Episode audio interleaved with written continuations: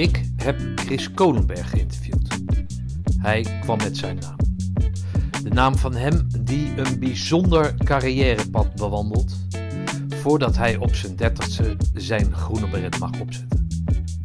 Als operator presteert deze kerel op de toppen van zijn kunde. Hij neemt afscheid van het korps.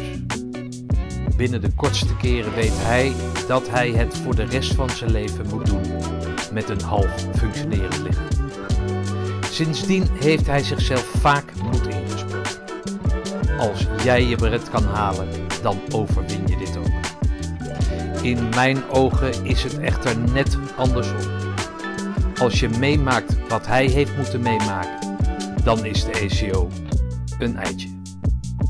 Lichting 061 in deze aflevering van de Mutstas podcast. Het levensverhaal van Commando Corporaal 1 buitendienst, Rogier Visser. Corporaal de allerhoogste klasse, Rogier Visser 75 06 15 105. Ehm, wat doet een operator in een, eh, in een rolstoel?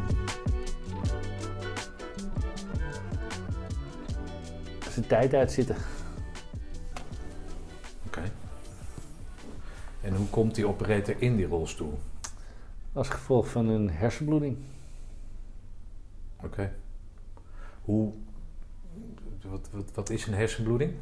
Eh, ik, ik nou, bleek achteraf heb een, eh, een zwak bloedvat in mijn hersenen zitten. Dat weet je niet. Kun je ook niet weten, normaal gesproken. En na zeven jaar KCT sporthart, dus daarmee ook chronisch hoge bloeddruk s'nachts. Dat was in mijn geval heel erg ongezond. En dat is uiteindelijk, eh, ja, een, eh, een ochtend heel stevig sporten, is dat s'avonds eh gebarsten. Ik begon met een aneurysme, dat was, daar kwam de hoofdpijn vandaan. Dat is als een adertje dus niet goed doorloopt. En ehm, ja, dat is uiteindelijk in de loop van de avond is dat gebarsten. En toen, eh, in het begin liep ik nog wel. En toen heb ik ook nog wel, een- denk een minuut of eh 15 eh, de ambulance weggehouden. Want mijn toenmalige vriendin zei, nou, moet ik niet de ambulance bellen, er is wat mis met je. Maar ja, er kon mij natuurlijk helemaal niks gebeuren. En uiteindelijk, ik weet wel nog dat het ambulancepersoneel mij van de wc af heeft gehaald. Daar zat ik toen op.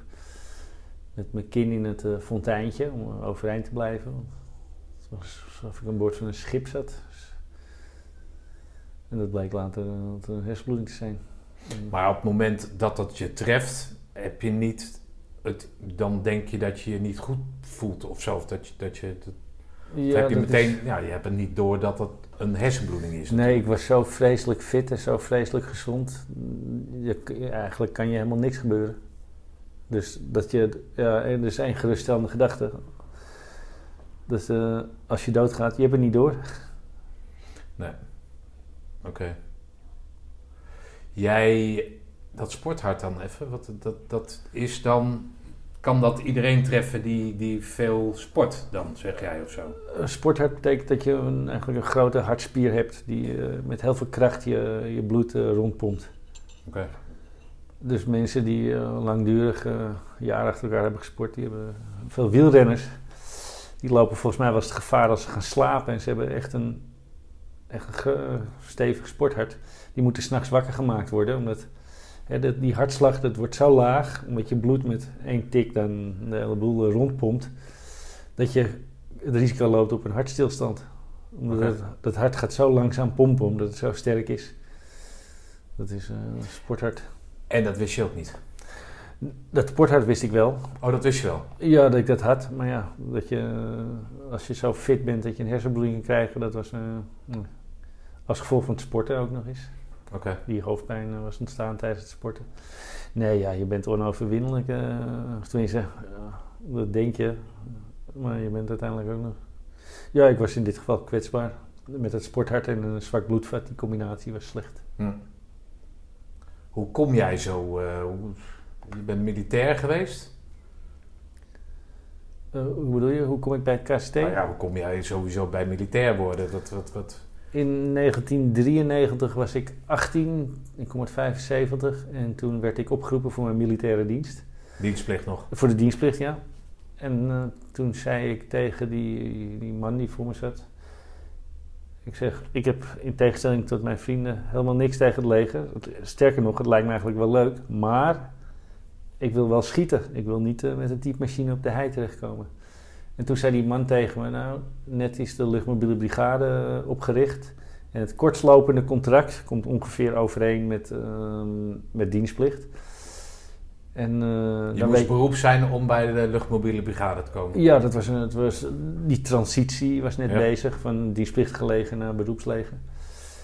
En uh, toen dacht ik, nou dan ga ik geen dienstplicht doen, maar dan teken ik het kortslopende contract bij luchtmobiel. En dan uh, word ik ook uitgezonden, dat lijkt me ook wel avontuurlijk, spannend. En zodoende luchtmobiel. En wij zouden toen initieel de mariniers in Cambodja aflossen, die het democratiseringsproces toen aan het begeleiden waren. Maar dat was in één keer opgelost, of dat was goed gelopen. En toen uh, viel Joegoslavië uiteen, dus toen uh, werd luchtmobiel naar, uh, naar Srebrenica gestuurd. En daar heb ik, ben ik met commanders in contact gekomen. Ik moest ze af en toe wegbrengen. En, en ja, zij deden hun wapens doorladen en ze verdwenen in het zijterrein. Ik dacht ik, ja, dat is het echte werk. Ik wist toen uh, volgens mij niet eens dat Nederland commando's had. Hm. Maar ik kreeg wel daar wel door dat, uh, dat, dat, het, uh, ja, dat, was echt, dat was het echte werk. Hoe lang was dat contract dan? Dat, dat, dat... twee jaar. Ik heb van 93 tot 95 gediend. En, ja, toen, en toen, heb ik ook, toen had ik al gesolliciteerd bij het KCT, maar toen ben ik uiteindelijk niet opgekomen. Want toen ben ik onder de druk van volgens mij mijn moeder die had liever dat ik een opleiding ging doen in plaats van dat ik in het leger bleef. Toen ben ik naar de HEO gegaan. En uh, die heb ik afgemaakt. En ik had het diploma al op zak. En toen zag ik op de site van het KST dat uh, ze de leeftijd van 25 naar 30 hadden opgetrokken. En ik was 29. Dus toen heb ik mijn kans gegrepen. Oké, okay, maar dus op je 19e in plaats van dienstplicht ga je twee jaar teken je uit nieuwsgierigheid. Ja gaat naar Sprenica toe, daar zie je die commando's. Dat wil jij ook. Je moeder zegt van, joh, ga nou... Je kon goed leren dan of zo, dat ze daar... Uh, of had ze gewoon liever niet in het leger? Uh, nou, ze maakte zich wel heel erg ongerust natuurlijk. Zeker ook uh, toen die uitzending naar Bosnië... Maar ja, mijn moeder had zelf gestudeerd en die had, zag ook wel dat, dat ik dat in mijn mars had. Dus die wilde, die, die dacht van verderop te komen in het leven moet je, je, leren. Hm. Hoe vond je dat militaire leven? Uh, in het begin bij luchtmobiel vond ik echt vreselijk. En toen dacht ik, ja, ik heb getekend, uh, dan moet ik maar doorzetten. Okay. Ik weet nog wel, de eerste keer dat we die hei op gingen en het regende en er stond zo'n, ik was echt tot op mijn onderbroek uh, doorweekt en er stond zo'n heel, heel klein tentje en er was natuurlijk ook geen douche. En dacht ik, ja, zei, moet ik daar nou, eh, hoe moet ik dat nou doen? ja, nee, dat vond ik heel vervelend, uh, militair worden in het begin. Oké. Maar wanneer kwam die omslag dan? Of kwam die niet? Want je uh, ging op het nou, aanbod van je moeder af. De dwang van je moeder ging je af. Ja, ja nou... Goede advies van je moeder. Het, het, het advies volgde ik, ja. Nee, ja, ik, uiteindelijk uh, weet de luchtmobiel ga je het veld in en zo. En dan weet je wel wat het inhoudt. En dan snap je ook wel dat als je het KST gaat, dat het een soort van uh, veelvoud is daarvan. Nee, ik, maar ik het leger op zich, de, de, de, de, bevelen, de dingen die je moet doen, marcheren, het, het, het groeten, het sprak dat je aan? Of zag je het nut daarvan in? Nou, ik vond altijd wel uh, het buitenspelen in het bos vooral ja, leuk. Okay. geur in het bos, heerlijk. Okay. De hele dag buiten in het bos. ja. ja, dat vond ik niet vervelend. Dus dat was hetgeen wat jou triggerde en wat je, wat je leuk vond? Nou, het belangrijkste was denk ik uh, dat ik in Bosnië die, uh, die KCT'ers bezig zag. Dacht ik, ja, die doen uh, stiekem mijn dingen. En die, wij, wij, wij liepen patrouilles zonder doorgeladen wapen. Dat mochten we niet. Hm. Ik dacht, ja, die, die, die commando's, die, die doen hoe het hoort. dat voelde ik natuurlijk ook wel. Maar je hebt daar niks meegemaakt in, in Bosnië? Nou, wel. Uh, ja, we werden regelmatig beschoten als patrouille, maar dan mochten wij niet terugschieten. Want dan werd eerst contact opgenomen met uh, het hoofdkwartier in Srebrenica. En die namen dan contact op met het hoofdkwartier uh, in Zagreb van de VN. Ja, en die zaten alleen maar op deescaleren, deescaleren, deescaleren. Dus uiteindelijk, die Serviërs, of vermoedelijk Serviërs, die schoten tussen ons door als we patrouille liepen. Dus wij liepen een meter of vijf uh, achter elkaar. En dus ja, je hoorde ze wel fluiten tussen je door. En ja, als je dan niet terug mag schieten, ja, dat is wel eigenlijk heel beroerd. Hoe voelde je daar dan onder als je beschoten werd? Dat was een enorme frustratie. Want, maar ben je bang dan, of is het alleen frustratie? Mm, nee. Nee, niet. Het is, wel een soort uh, spanning eigenlijk. Nee, ik, ja, er zit natuurlijk altijd wel een component van, van angst. Dat is een soort, ja, zeg, spanning eigenlijk. Ja. Ja, maar als je niet terug kan schieten, dan, dan gaat die spanning toch over in alleen maar bang zijn. Want je kan niks terug doen, toch? Dan, dan... Nou ja, ik vond het heel, uh, hele rare manier van uh, optreden. Ik dacht altijd, ja, je gaat het leger in om te vechten. Om iets, uh, om iets vanuit Nederlands perspectief, om iets goeds te doen. En ja, we mochten niks terug doen daar. Dat is, hm. de meeste van die jongens hebben zware PTSS met wie ik daar heb gezeten. Ja, dat kan ik me voorstellen. Dus, dus met, een, met een aantal van hun kun je eigenlijk niet eens meer communiceren. Okay. Of in ieder geval geen afspraak maken. En, uh, ja. Heb je nog contact met die jongens? Ja, meestal wel, ja. Oké. Voor zover ze nog leven. Oké. Voor zover ze nog leven, heeft dat met die PTSS te maken? Nee, eentje is in zijn slaap overleden. Die had suikerziekte. Misschien dat daar een link is. Maar ja, ik ben er allemaal niet achteraan gegaan. Nee, nee, nee. Nee, ik, nee, ik, nee, dat kan ik niet aan PTSS relateren. Het zijn een soort uh, chronische aandachtzoekers of zo. Uh, eentje heeft ook uh, volgens mij ondertussen een hond. En die luistert de hele dag door. Dan kan, de, ja, als mens worden ze is niet veel. Ja, het is iets raars, het PTSS, maar je kan heel moeilijk afspraken maken. En, maar dat is allemaal te, te, relateren, of het is allemaal gerelateerd aan wat jullie daar hebben meegemaakt dan? Die groep jongens met wie ik in, uh, in, in Bosnië heb gezeten, ja, dat is allemaal uh, terug te voeren op zijn brainstem. Hmm. En waarschijnlijk gewoon die, die ja, niet mogen optreden. Het wel zeg maar in uh, vervelend, of in een oorlogsgebied zitten. Maar ja, dat was toen ook de hele, in die periode dat daarvoor was altijd als er VN-militairen naar een crisisgebied werden gestuurd uh, dan begingen die, die strijdende partijen geen uh, vreselijke dingen. En die Joegoslaven die toonden aan dat... Uh, het was een hele... Ja, het was een hele omwenteling in alle andere... oorlogvoering, dat ging heel... Ja, in Nederland dachten we in ieder geval... als we maar een paar van die blauwhelmen sturen, dan, dan komt het wel goed. Ja. Maar als die blauwhelmen onder vuur komen te liggen... en volgens niet terug mogen schieten, omdat het alleen maar uh, omdat uh, alle officieren op de-escalatie zitten. Ja, dat is voor mensen vreselijk. Hm. uiteindelijk voor die hele situatie. Heb jij daar nog wat aan overgehouden in de zin van? Ja, ik heb. Dat was midden jaren negentig, dus zo even geleden. Ik heb wel jarenlang uh, dromen gehad dat er, dat er dreiging op me afkwam. En dat ik dan dat mijn wapen niet werkte. Dus dat er een soort ik denk dat er ook iets er zat ook een soort onmacht in. Die dreiging die was nooit gedefinieerd. Er kwam dreiging en op dat moment kreeg ik mijn wapen niet geladen of zo. Ja, de, die droom die kwam in heel veel verschillende. verschillende... nachtmerrieachtige droom? Ja, dat was wel, uh, waren wel veel dromen. Ja, en ik ben toen ook wel, je had toen ook de toneelgroep Amsterdam, die had een toneelstuk gemaakt, wat ook door de legerleiding weer onverklaarbare redenen werd afgekeurd. En ik heb ook toen het, uh, er is toen zo'n rapport over Srebrenica gemaakt en daar heeft uh, Faber een, een, boekje over geschreven, in ieder geval de samenvatting van het hele rapport. Dat heb ik wel gelezen en dan lees je ook alle dingen die je uh, begot niet weten, die er op de achtergrond spelen Waardoor jij het beter begreep? Of, of juist een afkeer kreeg van de gedachten van toen? Nee, waardoor, ja, waardoor ik, ik heb wel mijn best gedaan om die hele situatie beter te begrijpen. Achter. Ik weet natuurlijk niet of dat uh, bijgedragen heb uh, aan mijn geestestoestand, maar ik heb in ieder geval geen, uh, geen PTSS. Hm. Maar goed, dan ga jij dus die HBO-opleiding doen. Dan kom je dus terug in dat burgerleven. Ja.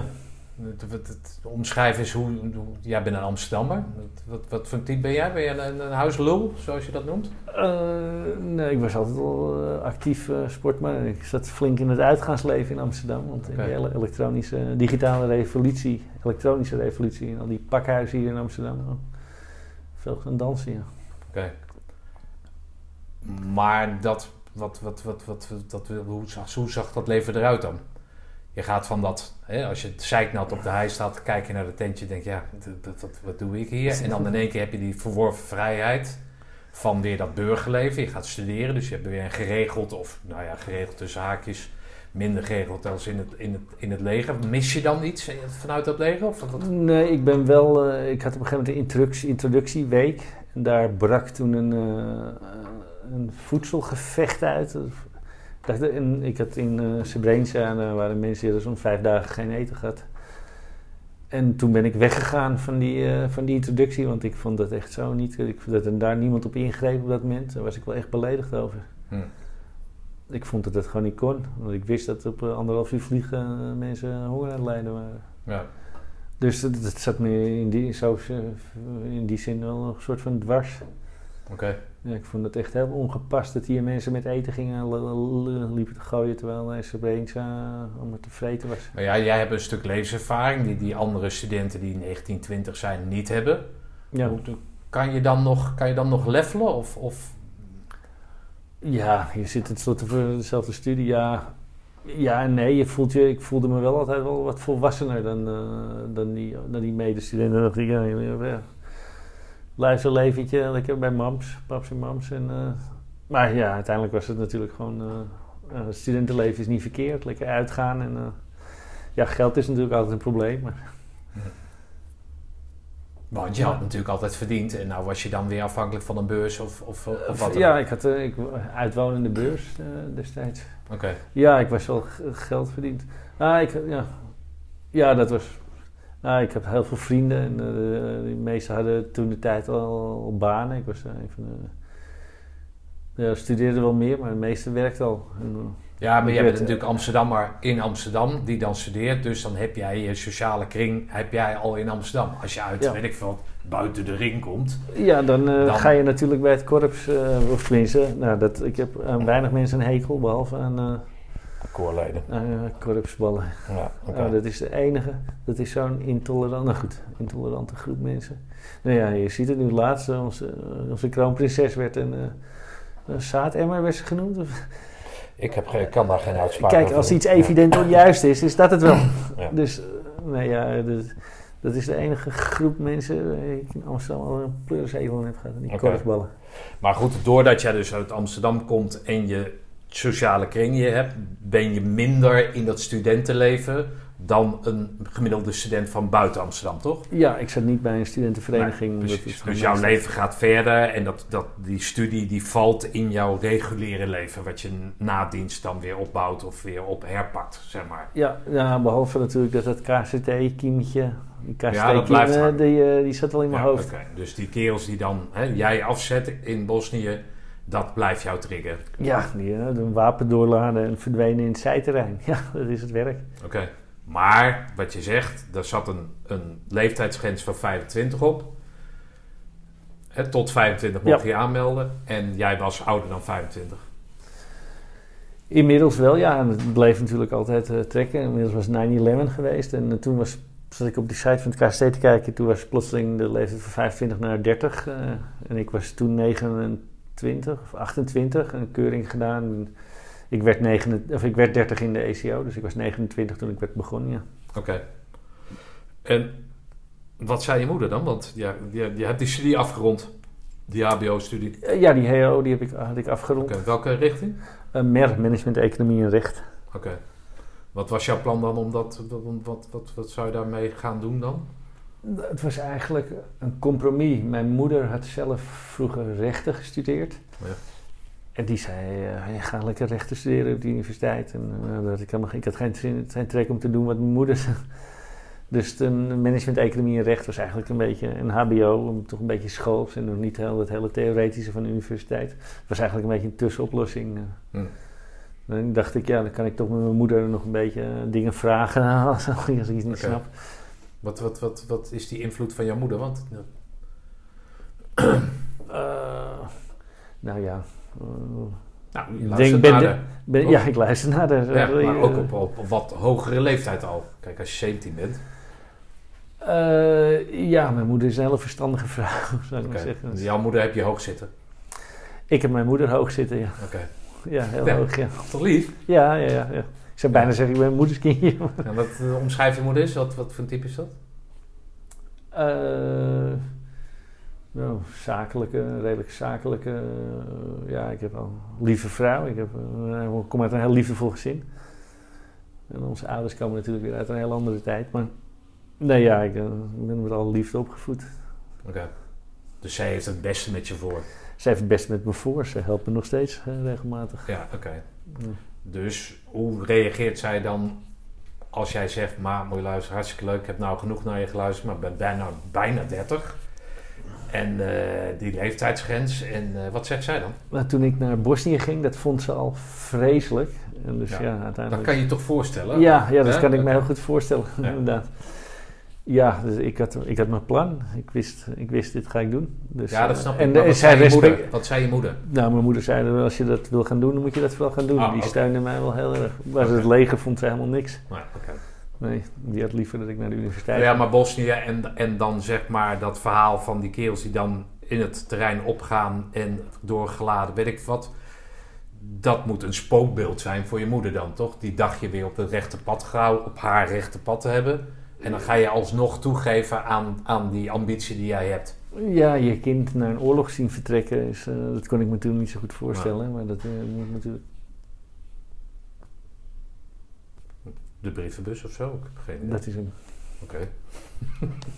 alert als, als, als altijd. Nog steeds alert. Nog steeds, ja. Ja, maar Eh, nou ja, ik...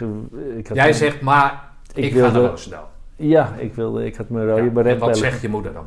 Oké, je moeder zegt: Oké, als je dat dan zo graag wil, je hebt toegegeven aan mijn wens, dan moet je dat maar gaan doen. Eh, ja, ik kan me niet heel helder voor de geest halen dat ik het met haar uitgebreid heb eh, besproken. Nou, dat is dan wel weer jammer. Wel met een vriend van mij, dat weet ja, ik wel. dit zit me toch reet. Het gaat toch om je moeder. Je moeder probeert je gewoon in een normaal leven te krijgen. En dan zeg jij alsnog: Ik heb het wel met een vriend besproken. Oké, dus jij gaat naar Roosendaal. Dan ben je dus een van de oudste, of wellicht de oudste. op dat Eh, moment? ik was, eh, voor mijn club was ik de oudste. Oké, en wat, hoe, hoe, hoe, wat, hoe, is, hoe oud is de jongste dan?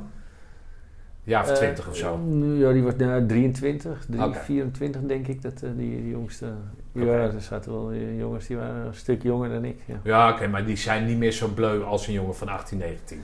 Nee, ze, ze- het, de meesten hadden al wel eh, ervaring bij Defensie. Ja, oké. Eh, er zaten een aantal eh, ex-mariniers in onze opleiding. En, Oh, dat was misschien de tijd dat er geen spijkerbroeken werden toegelaten. ja, er, werd wel, er zat nog een andere Amsterdammer, collega van mij, die, oké. die was spijkerbroek.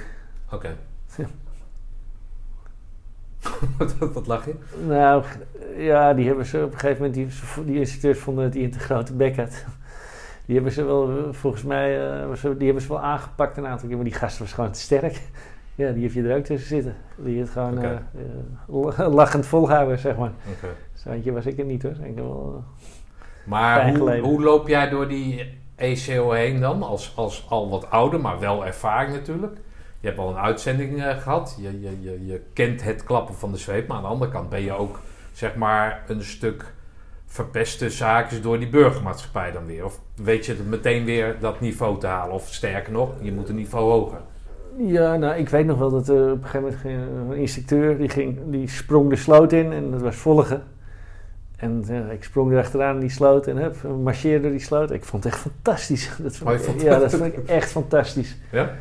Ja, dat was, Dat dat kwam was nog... overeen met dat uitstappen bij dat terrein en dan opgaan in, zoals in Bosnië. Ja, en dit was ook wel eh, nog een stapje verder dan luchtmobiel. Luchtmobiel zaten toen ook heel veel ex, eh, ex-KCT'ers. Ja. Dat het net opgericht was.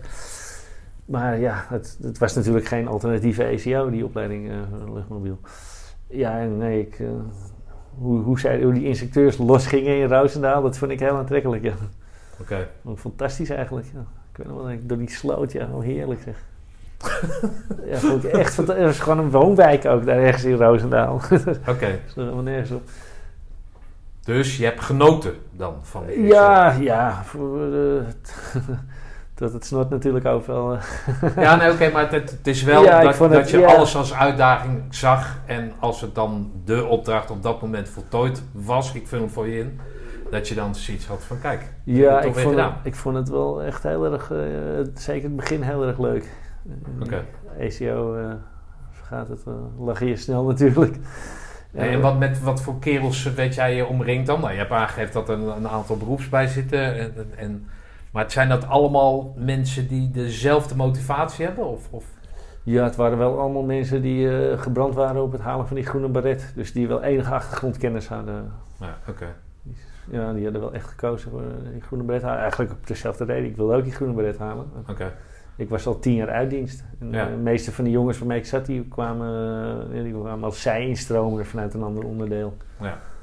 Kan jij je meteen plooien dan weer in dat systeem? Of, of heb je nog ergens Nou, moeite mee? Ik moest wel eventjes wennen aan, eh, aan weer, ja, die burgersamenleving is eh, gezellig, maar in het leger, het is alleen maar afkortingen.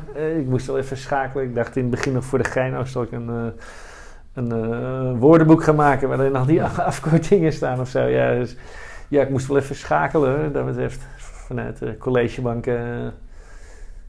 Oké. En, en, en hoe met die mensen dan? Want iedereen is natuurlijk gespitst, hè, gebrand om iets te halen. Dat is, staat helemaal haaks op dat, nou ja, op dat studentenleven dan. dan ja, staat daar een, een snelle, voelde je dat je snel kon omschakelen? Of had je moeite met...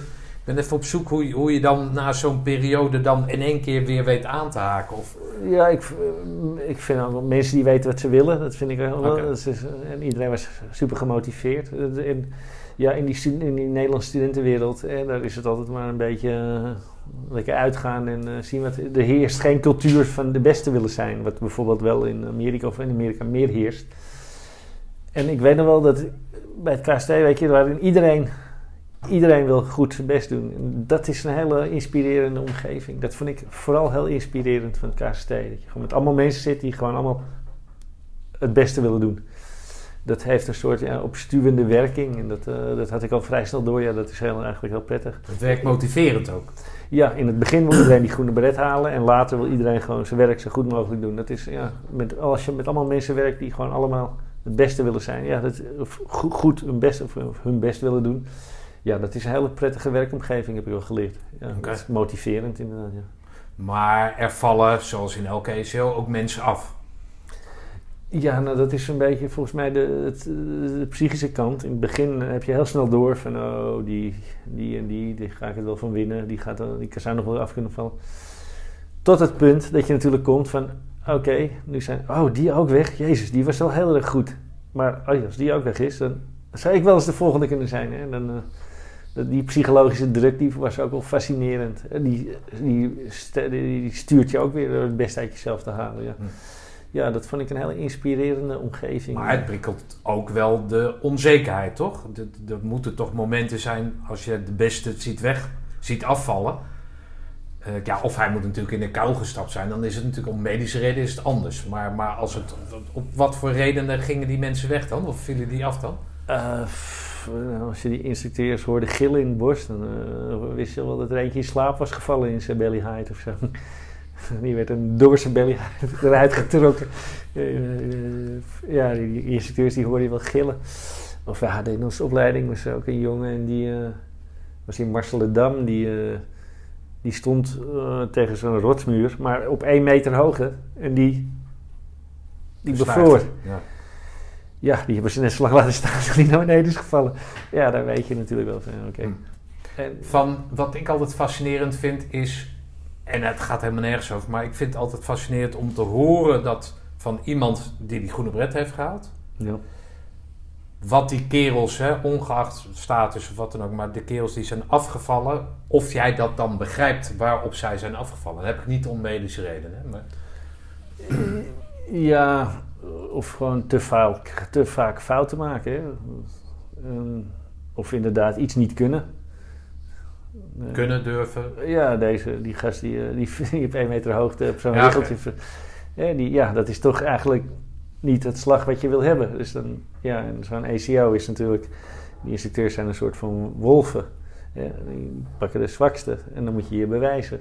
Ja. Eh, want zij weten zelf ook heel erg goed dat ze straks uitgezonden kunnen worden. En dat iemand in die opleiding zit, zou zomaar ja, verantwoordelijk zijn voor jouw veiligheid. Ja, als die in slaap valt, dan eh, ben je natuurlijk bij gema- gebaat als instructeur om, eh, als het vaak gebeurt, om, ja, dat is, ja, die, eh, die vent moet je niet hebben. Nee, Eh, Het is een enorme het is ook zelfselectie. En plus nog eens, je moet, eh, je moet niet alleen heel erg sterk zijn, maar je moet ook gedragen worden door de groep. Want uiteindelijk, je, je, er is altijd weer een keer een moment eh, dat je het niet, eh, even niet trekt en dat iemand je even een zetje geeft. En, eh. Zo ben ik door die andere Amsterdammer die mijn opleiding zat, waren een keer als gekke door een bos gejaagd en ik struikelde. En je bent gewoon bijna te moe om op te staan. En dan krijg ik twee handen in mijn nek van hey, even niet liggen hier, eh ouwe. en toen, toen stond ik, was ouwe, hè? en toen stond ik weer en toen, Ja. ja, weet je, dus ja, je, het is ook een soort van natuurlijke selectie binnen zo'n groep. Eh, dat is, ja, je moet wel gedragen worden door, de, door, de, door die groep. Als, als je, Hoe viel jij in die groep? eh, ja, ik vond dat we een hele leuke lichting, eh, lichting hadden. We hadden Nee, maar hoe viel jij in die groep? eh, Als oudere of als oudste? Hoe dat, eh, ja, prima. Ja, niet altijd hoor, want ik kwam natuurlijk van die universiteit af. En ik weet bijvoorbeeld nog wel eens in een, in een discussie. Ik weet god niet meer weten waar die discussie over ging. Maar dan werd er gezegd, oh, maar jij bent een linkse hond. weet je, Ja, als, als Amsterdammer dus werd ik zo weggezet. Ja, dat vond ik, eh, dat werd dan volgens vond ik wel een geuzennaam. Ja. Dat vond ik... eh, ja, links en Amsterdam, maar ja, oké, ja, ja, ja, waarschijnlijk heb ik ook een opmerking gemaakt eh, die eh, zo overkwam of zo. Ja, dus ik, maar dit, als je het over dan, hè, dus, dus, dus je wil ergens de beste zijn, dan op een gegeven moment vallen de mensen af en dan begrijp je waarom. Of je kan hem benoemen waarom mensen daar dan nou ja, afvallen. Maar dan kom je dus als groep kom je steeds dichter bij elkaar. ja, ja kijk, eh, kijk, afkomst doet er natuurlijk helemaal niet toe. En dat is ook het eerste wat wegvalt eh, tijdens Ja. die... eh, eh, je, je bent op elkaar aangewezen. En het, het belangrijkste is, heb ik wat aan jou? Hè? Kan Ja. ik van, als, als er iets opgeruimd moet worden... Hè, kan ik van jou op aan dat jij dat doet, dat ik niet straks in de voorlegsteun lig, omdat je het niet hebt gedaan, Ja. of omdat je vergeten hebt. Dus ja, dat is een soort natuurlijke selectie. Nou ja, alles is in vergelijking met, met de periode waar ik vandaan kom, is natuurlijk alles gericht op dat je elkaar kan vertrouwen. Niet dat dat toen niet zo was, maar dat, hè, omdat er oorlogsdreiging was Ja. ten alle tijde. En dat jullie daar ingezet zouden worden. Dus daar word je op beoordeeld, toch? Ja, uiteindelijk. wel. Ja. Dus niet van op de ruk verzijden, dan zouden we... eh, eh, nee, we gaan met z'n allen gaan we ergens heen. En we weten niet waar we naartoe gaan. En we weten niet wat er ons overkomt. En dan moeten wij als groep moeten goed kunnen functioneren. We moeten op van elkaar op aan kunnen. Ja, ik denk alleen dat in, toen jij in jouw opleiding dat het nog veel meer ging om, eh, of dat het, eh, zeg maar, die uitpuntingsslag het groter was. Ja. Bij ons waren ze al, wij werden soms als we, zeg maar, eh, in, snel moesten handelen, kregen we alleen maar suiker. En dan gaan, dat is voeding voor het brein. En ik kan me zo van voorstellen dat dat in jouw tijd Nee, ja, niet... jullie waren natuurlijk qua, qua evaluatie, qua weet ik veel, didactische dingen. En, en ja, dat, dat is natuurlijk allemaal. Nou ja, gericht op die oorlog natuurlijk. Hè? Ja. Want je kan natuurlijk, in, als je uitgeput bent, dan functioneer je gewoon minder. En in die oorlog moet je juist goed functioneren. Dus men is daar natuurlijk steeds verder in gegaan.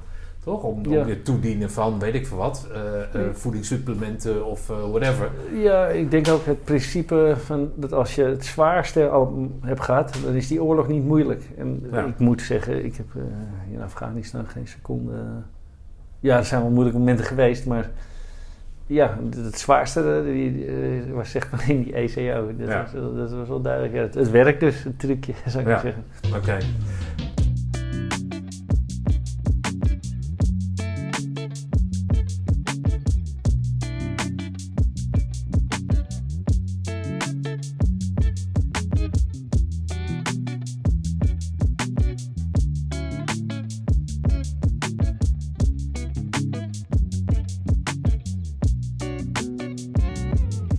Jij in die ECO mensen tegen die jij in je burgerleven nooit tegengekomen zou zijn? Of waar je nooit contact mee gehad zou hebben? Of ben jij een Ja, sociaal dan- persoon dat je met iedereen als linkse hond met iedereen door de bocht zou kunnen?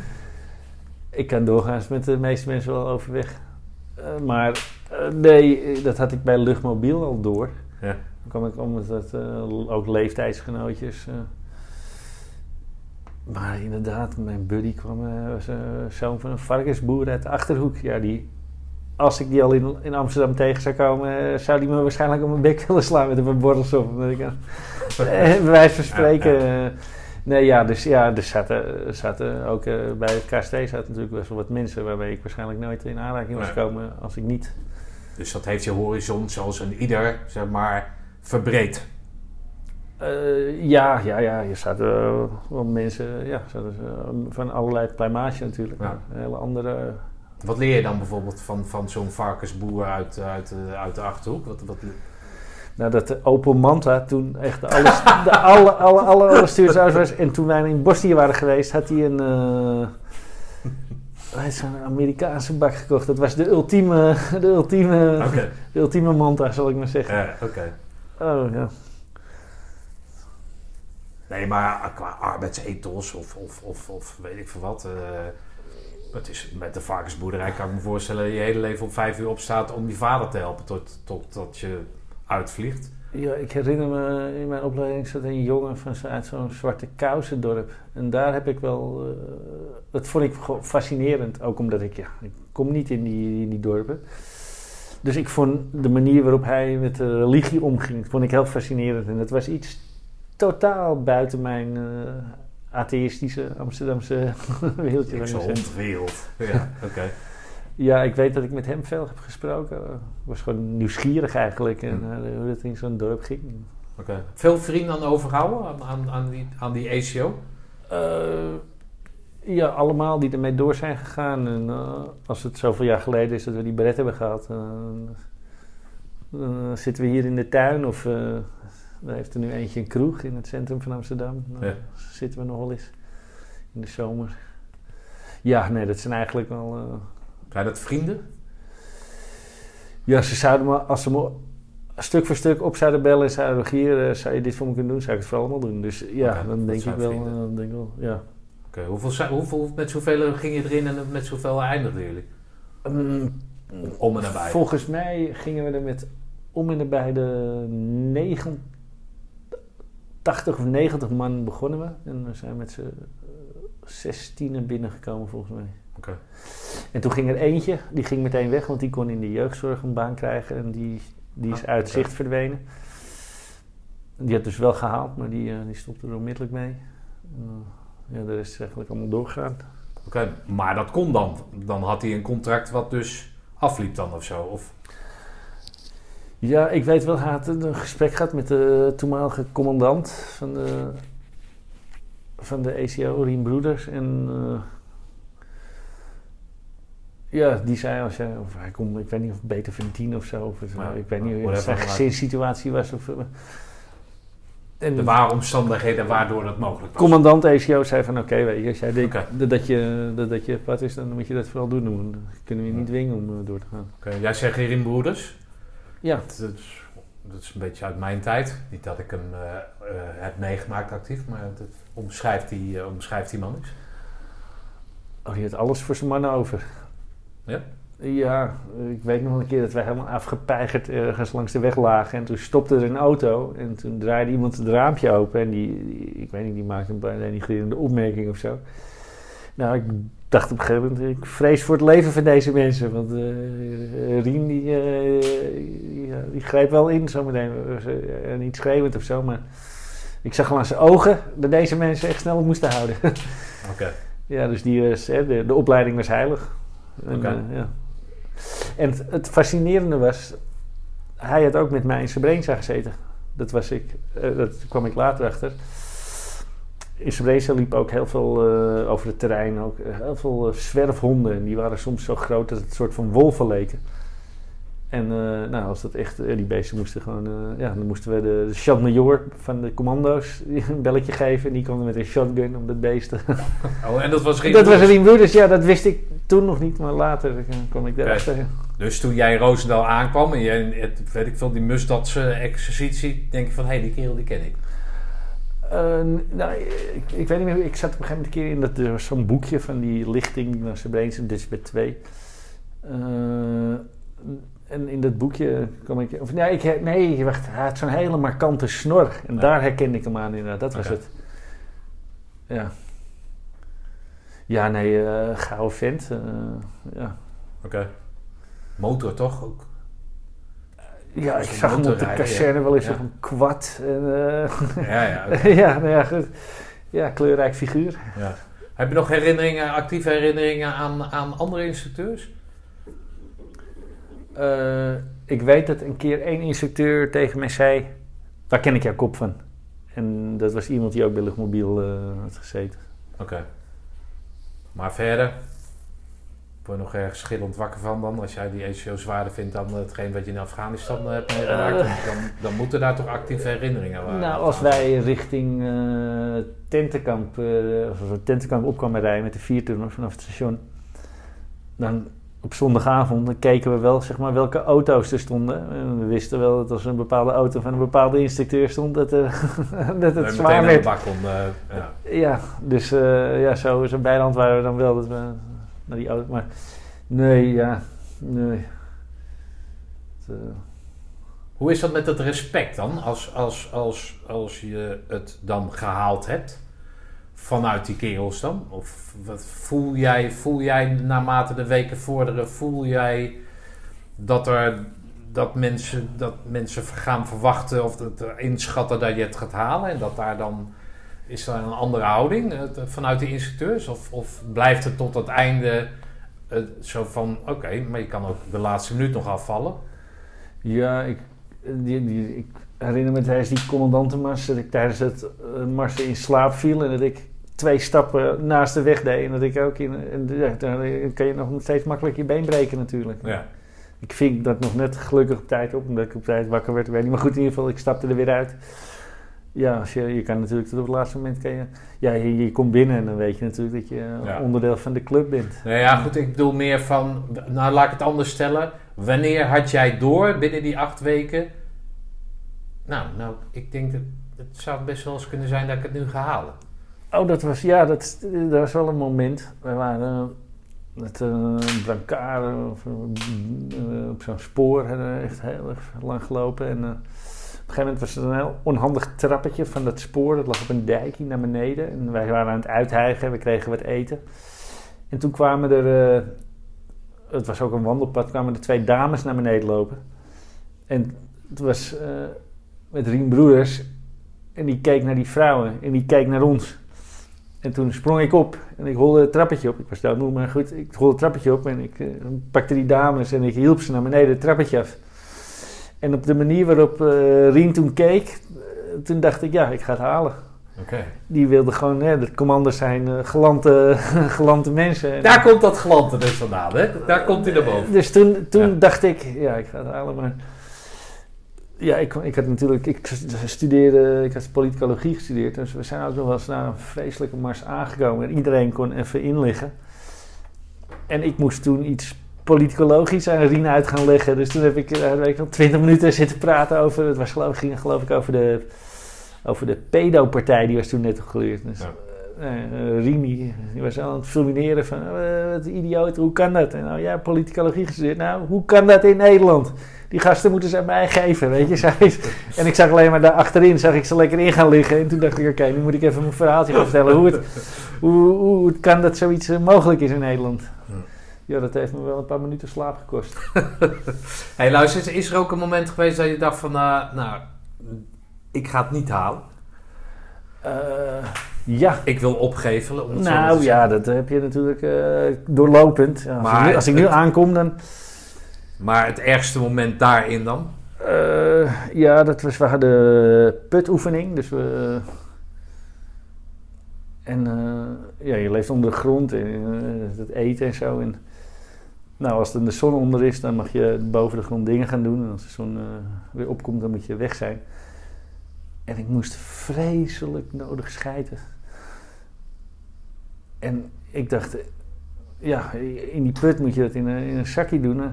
Ik dacht, nou, we, moesten, weet ik, we moesten iets verkennen of zo. Ik weet niet precies wat de opdracht was. Dus ik denk, nou, over eh, een kwartiertje of zo, als ik eh, eruit mag, dan eh, ga ik wel tegen een boom. En eh, dus ik eruit denk, wow, dat was echt opluchting. Ik kan hem nog voor de geest halen. Heerlijk, ja, ik ken het, ik ken het. En plotseling hoorde ik eh, die instructeur schillen. Die hadden mijn scheid gevonden. Even plat gezegd. Ja, toen dacht ik, weet je, ik heb niet in die put, in die, eh in die, in die plastic zak zitten lopen kakken. Ik ga eruit nu. Ja, nou, dat is niet gebeurd. Maar hebben ze het ontdekt van wie het was dan?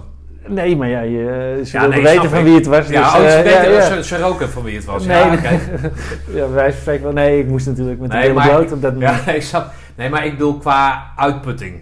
Hè, dit is natuurlijk gewoon een structurele fout. Dit, dit, dit is on- onvergetelijk natuurlijk, onvergeeflijk. Ja. Als je gaat lopen kakken buiten het put. Ja, toch? Maar in een, in een, in een zeg maar, fysieke, fysiek iets. Dat je dacht van, nou, ik kan gewoon niet meer. Dit, ik, ik, als er een bel is, geef mij die bel, want ik ga eraan trekken. Nou, ik weet wel dat... Of dat temp- met dat buitenspelen wat jij dus zo leuk vindt. En dat je het prachtig vindt. Dat je alle, elke uitdaging, hoe zwaar die ook is, dat je die omarmde. Wat- Eh, ja, fysiek trok ik het wel, denk ik. Ja, ik weet wel. Dus werd ik eh, een paar keer achter elkaar. Er was zo'n soort van grasveld bij het tentenkamp. Ja. Bij Boer Baks in de buurt, Ja, ja. volgens mij. En toen waren we eh, weet ik veel, uitgeput. En toen nou, ik krijg geen tijd. Een rondje om het veld. Nou, één keer niet gehaald, op de nieuw. Twee keer niet gehaald, op de nieuw. Ja, weet je, en de derde keer, weet je, dan haal je het wel. En dan krijg je dus de wind van voren. Want dan had je net zo goed de eerste keer kunnen doen. Dat je twee rondjes gescheeld. Weet je, dan kan je ook alleen maar denken van, ja, je hebt gelijk, weet je wel. Ja. Nou goed. Eh, op dat soort momenten, ja, en ook bij in faals. Ik, we hadden eerst een soort van eh, survival gehad. eh, dus weinig, weinig gegeten. En uiteindelijk konijntje geslacht en dat gegeten. En vlak daarop kwam die tocht in, in, in Vaals, die 60 kilometer op een dag. En ik liep met die andere Amsterdammer naar, was kaart lezen. En we lopen, lopen, lopen, lopen. Ik zeg, geef hier die kaart. En toen bleek dat we het kaartje al afgelopen waren. En dan moest je weer terugkomen. Dus voordat je die 60, weet je... En toen kwamen we aan bij. Ik heb het op de ECO-film van ons. Daar staat. Ik was, ik, had, ik, was, ik was aan de diarree en ik was ziek. En, en toen kwamen we aan en toen kwam zo, gaat zo'n instructeur. Die ging echt helemaal los. Weet je, je hoeft maar 60 kilometer vandaag te lopen. Dus als je denkt dat het slim is om nog even wat grijze kilometers te pakken voordat je hieraan begint, dan ben je verkeerd bezig. En nu wil ik dat jullie je tijd in gaan halen. En toen, oh, dat was echt speren naar die volgende, volgende controlepunt. Toen heb ik het echt, ja, ja, opgegeven. Ja, weet je, dat komt uiteindelijk ook niet meer eh, in, je, in je vocabulaire voor. Het is uiteindelijk maar, hè, de tijd die loopt wel. En daar, aan het eind krijg je die groene beret. Dus fysiek ben je onder druk gezet, maar mentaal heb je, heb je het kunnen verdragen. Ja, Of Ja, ik heb- kunnen ik geven, heb- weet ik dat ik heb natuurlijk wel eens eh, gedacht van, ja, als ik aankom, dan eh, ben ik klaar mee. Maar dat, uiteindelijk doe je dat nooit. Ja, je, eh, als je het dan toch weer binnenkomt, heb je het gehaald. Ja. Hey, jouw moeder is belangrijk voor je. Heb je, heb je ook een vader? Ja, natuurlijk zeker. heb je een vader. Vader en moeder zijn bij elkaar nog. Nee, nee, die zijn in eh, 1980 al gescheiden. Oké. Ja, ik speelde vroeger altijd met de baret van mijn vader. Die had bij het Korps Mariniers gezeten. En die was uitgezonden geweest in eh, Nieuw-Guinea. Had hij eh, als dienstplichtig Oké. een andere tijd. Dus ik heb mijn hele jeugd met zijn baret gespeeld. En, misschien dat het ook... Ja, dus er zit wel degelijk een, een militaire achtergrond binnen jullie familie. Ja, mijn vader die... ja, die het korps, het andere, bij het andere roemruchte korps gezeten. Ja, uiteraard. Ja, of uiteraard, ja, oké. Oké, nee, maar dan is je moeder wel gewend aan dat militaire en wellicht dat ze daarom zo'n afkeer er tegen heeft. Dat, dat kan, en dat ze daarom wilde, want je va- vader zal in Nieuw-Guinea ook wel wat hebben meegemaakt dan toch? Ja, alleen daar vertelde hij nooit zoveel over. Nee, dat vond hij maar juist daarom wellicht. Ja.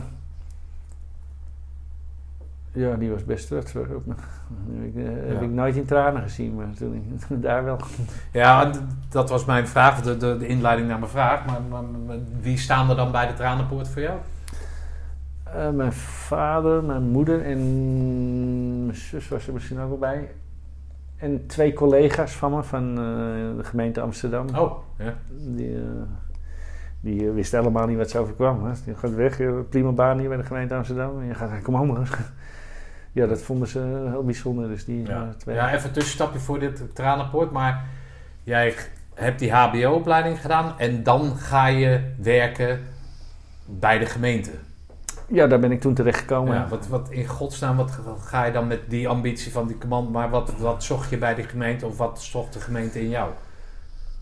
Wat dacht de gemeente in Eh, jou? die hebben mij hebben? aangenomen omdat er toen, eh, ja, er waren best wat problemen met woonschipbewoners hier in Amsterdam. En die moesten aangesproken worden op eh, hoe ze die kaders eigenlijk verwaarloosden of inrichten. En dus, ze, ja, die ambtenaren die, die durfden daar toch blijkbaar niet eh, op af te stappen. Dus die zochten toen iemand die, eh, die, eh, die dat zonder moeite deed. En Dus dat bestond uit aanbellen. Dag mevrouw meneer. Ja, ik heb veel kopjes thee gedronken. eh. Ik heb, wat vindt u er zelf van? Wat Een soort, soort, soort Ja. mediation-achtig traject om mensen in het geheel te krijgen? Of wat, nou, wat? wat toen speelde, hier in die havens lagen, lagen er zijn een zootje van schepen. En er waren allemaal eh, keurige stijgers gemaakt waar die boten aan konden liggen. Maar omdat die stijgers met publiek geld gefinancierd eh, waren, moest iedereen die ook op zo'n zonnige dag over die kaart liep, die moest in principe van, die, van dat met publiek geld gefinancierde eh, stijger, die moest daar gebruik van maken. Maar die stijgers die werden al heel snel door die mensen allemaal eh, dichtgebouwd met planten. Dat het heel onaantrekkelijk was voor mensen die op de kade lopen om daar even op te gaan zitten.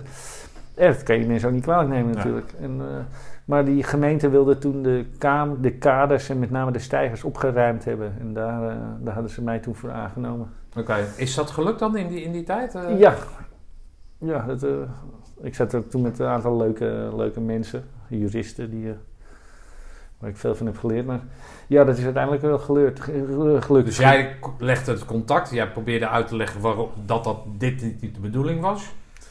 En dan, dan werd, het, werd het in de minne opgelost of er werden ja, ik, maatregelen getroffen. ja, be- bestuurlijke handhaving. eh, dus aanschrijven en last onder dwangsom. En. Ja, dat hebben we op die, op die stijgers niet toegepast, toegepast. Want ja, de meeste mensen waren gewoon redelijke mensen. dachten, ja, oké, misschien iets minder bloemetjes. Oké. Dus En je werk goed, goed gedaan dan. Ja, ja, ik denk het wel. Nou als die juristen die niet aan te pas hoeven te komen, dan, dan is het in het in, voorin is het al getackled dan het probleem. Ja. Ja, het lukte niet altijd hoor. Ik heb op een gegeven moment van één kade heb ik eh, foto's gemaakt en een, eh, een folder laten drukken. Die mensen waren niet zo blij die hun eigen rommel zagen. Ja, er waren natuurlijk allerlei manieren om... eh, Om zo op die manier zeg maar zo te plooien dat, dat ze wel daaraan gingen. Ja, dat die kaders, dat, we die, dat de gemeente eigenlijk heel erg graag die kaders gewoon opgeruimd wilde. En dat het niet een soort van privé st- stallingen werden in de open lucht. Ja, oké. En, eh, En daar ging je dus weg. Ja, en we hadden stadsnomaden hadden we ook mee te maken. Oké, ja, oké, dat, dat ken ik ja. Ja, ik vond het heel leuk om... ja, ik had helemaal geen moeite met mensen, om mensen af te stappen. Die stadsnomaden in de stad daar kwamen, waren al, al die ambtenaren in paniek. Weet je, want ja... Ja, maar goed, jij had je militaire achtergrond natuurlijk. Je bent geen kleine jongen, je bent een Amsterdammer. Dus, dus ik, ik zie jou dat wel doen inderdaad. Ja, ik kwam, ik weet met die stadsnomaden nog wel eens, dan die kwam ik dan tegen op een festival en dan, ik wist wel dat jij een goeie was. Weet je, zo. Ja, dan eh, was het weer drinken met die mensen. Ja, oké, ja. En daar ga je dus weg. Dus daar die twee collega's, die, die worden dus geconfronteerd met een kerel die dat allemaal oplost. Je, hebt dan, je bent de ambtenaar, dus je hebt een goede baan. Ja, En ja dat ruil je dus in voor iets... voor eh, geen eh, gebrek aan nachtrust. En, ja, de, zwaar onderbetaald. Gezien het aantal uren wat je maakt, dat is echt absurd. Maar heeft jouw moeder wel eens verteld dat toen jij daarheen ging, of door die poort heen ging, dat het door, door haar heen ging? Nee, dat heb ik. eh, ja, mijn moeder zal ongetwijfeld trots geweest zijn, dat eh, durf ik wel te zeggen. Maar ze heeft nooit gezegd van, hoeft, hoeft ze dat niet te zeggen? Nee, dat, leger vond zij. Nee, tuurlijk. Ja, maar juist omdat, omdat je dan je eigen zin doordrijft en, en het, maar het dan toch haalt. Ja, dat, zij wist wel dat haar zoon een vreselijke, eh, dat haar zoon een vreselijke streber is. Hm, En dat wat ik, me, wat ik me voorneem om te gaan doen, dat ik eh, me niet zo makkelijk eh, van het pad af laat En je vader, jij zegt, je vader vertelt niet zoveel, maar die, Niet over eh, Nieuw-Guinea. nee, maar die liefde die tussen hem en jou is dan. En hij ziet jou dan in datzelfde ding waar hij ooit ook een keer in gezeten heeft, of in ieder geval dienst of militair zijn. En jij haalt dan die groene bret. Hij daar wel eens over verteld hoe trots hij dan op je is? Of- Nee, nee, mijn vader is niet zo'n andere generatie, Nee? denk ik, niet zo'n prater. Oké. Dat merkte ik natuurlijk wel. Maar nee, de, Hij heeft het nooit benoemd. nooit met zoveel woorden eh, over gehad. Nee. Oké.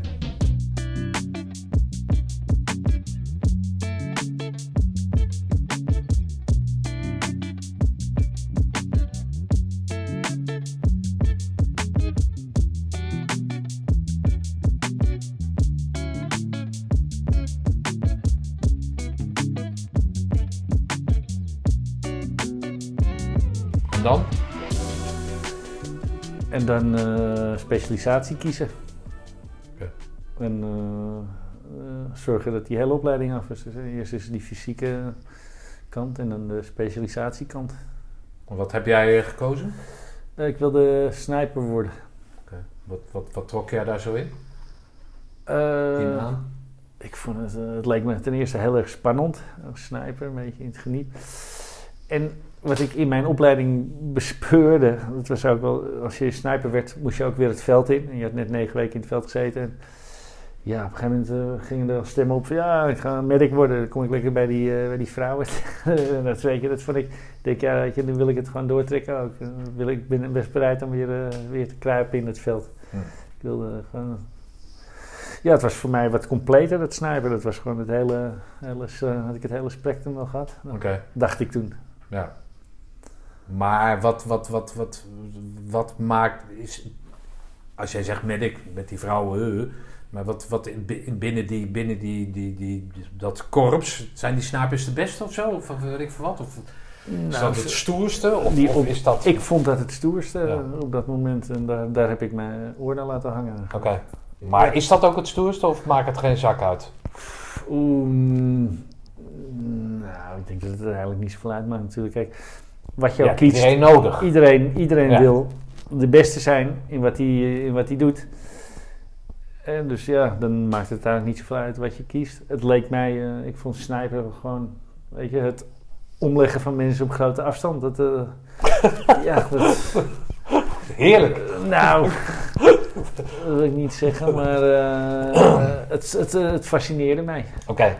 Ja, eh, ultima caso is oorlog leidt natuurlijk ook tot het uitschakelen van je, je tegenstanders. Ja. En ik zag in, in snipers zag ik daar wel de ultieme commando. Ja, dat was voor mij eh, Oké.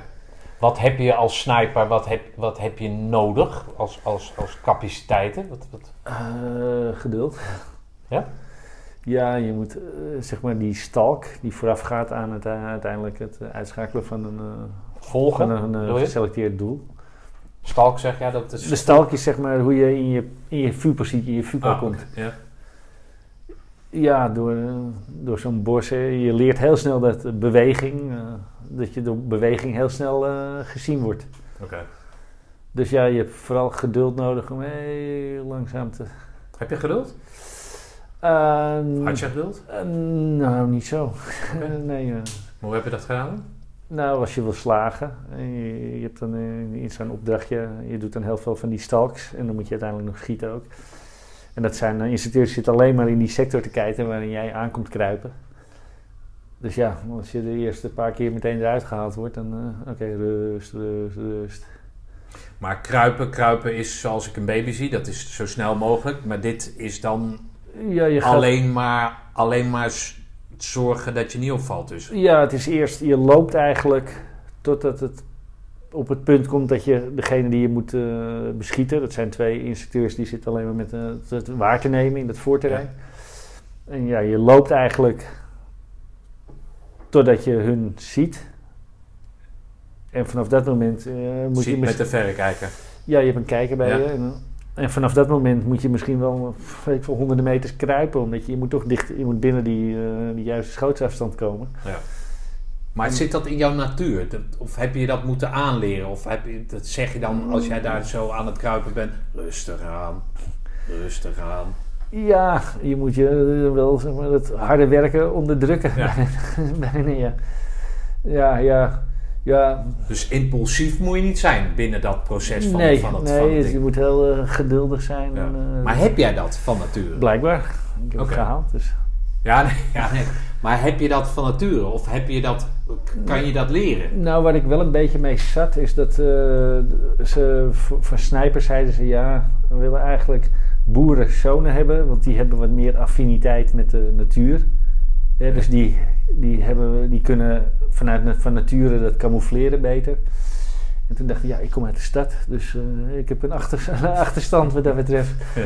Maar ja, dat is dan weer een motivatie om nog harder je best te gaan doen. eh, om te zorgen dat Ja, maar goed- hoe leer je dat dan? Wat, dat, dat- kijk, als je, als je, als je eh, drukker moet zijn, impulsief, ja, impulsief lijkt me ook moeilijk om te leren, maar als je juist vanuit dat hè, stads, laten stads noemen, maar vanuit dat stads, als jij dat hebt over die dansfeest, weet je, wat, laten we hierheen gaan, laten we daarheen gaan, en dan kom, moet je helemaal tot rust komen, helemaal zen zijn, om dan centimeter voor centimeter wetende dat als jij geen centimeter en je doet dat te snel, dat jij eraan gaat, toch? Dat is in een oorlogssituatie wel Ja. de, de consequentie. Ja. Ja. Nou, dat had ik wel scherp voor. Ik, ik had altijd in mijn hoofd van ja, weet je, dit is dan een trainingsmodule, maar hè, wat als dit echt is? Ja. Ja, ik was wel van plan om, eh, om terug te komen als ze uitgezonden zou worden. Dat had ik wel eh, voor mezelf besloten. Dus dat is dan aan zich weer een enorme motivatie om eh, steeds weer net iets Ja, beter te doen. En ja, in die, in die En je opleiding. groeit daarin, in die rol. Je Ja. groeit in je...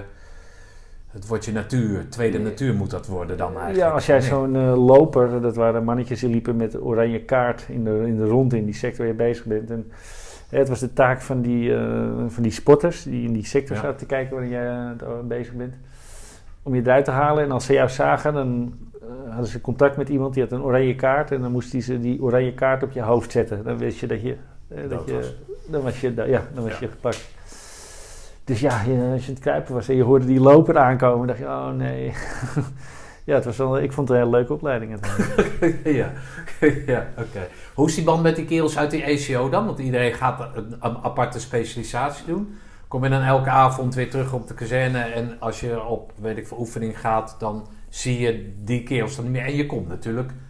Ga je met je eigen mensen uit die ECO, die op, of val je in een bepaalde groep die Ja. al bestaat? Wij, zij zeiden dat onze club eh, naar de 108 zou gaan. Zo, je hoort op een gegeven moment welke compagnie je terecht gaat komen. Ja.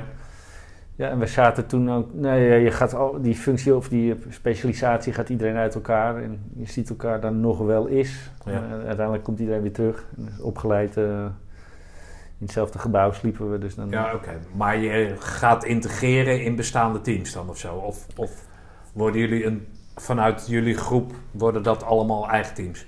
Ehm, wij werden verdeeld over de 108. Dus wij kwamen in bestaande teams. Hoe is dat dan? Ja, spannend. Dan denk je, nu gaat het gebeuren. Maar, eh, Ja, nee, maar ik bedoel meer de interactie met die kerels die al veel meer ervaring hebben. Dat, hoe, hoe, hoe ja, dat was, eh, ja, dat ging eh, prima eigenlijk. Ja, in, in ons geval kwamen de meesten net uit Afghanistan terug. Met de Oké. 108.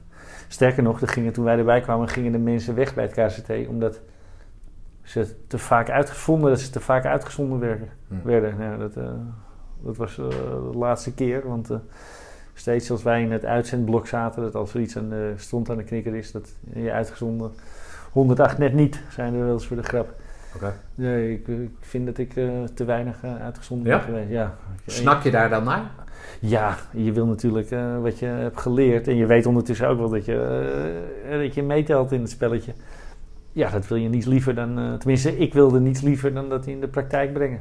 Oké. Ja, zeker. Maar is het dan in de praktijk brengen? Wat, nee, wat, wat is die motivatie om daarheen te gaan? Dan heb, je, heb je enig idee? Want ik heb... Ik, ik- niet dat ik het niet snap, maar...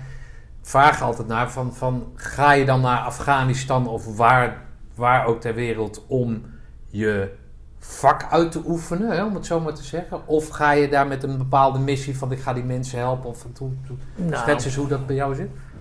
Mm, eh, die mensen helpen. Die eh, illusie had ik na Srebrenica niet meer.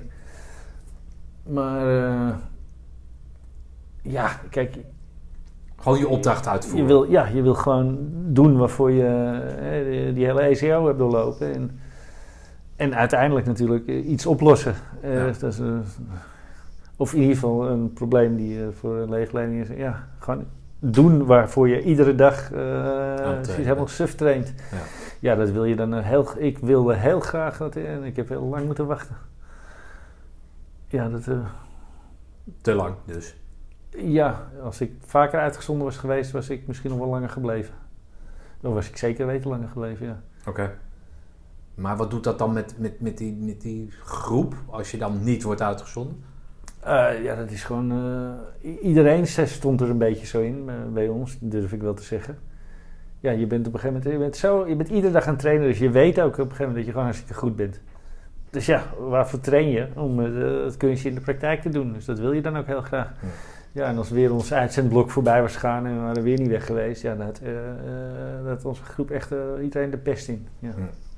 En, en dan vul je de dagen gewoon met trainen. Ja, het is zo trainen, trainen, trainen. Heel veel schieten natuurlijk.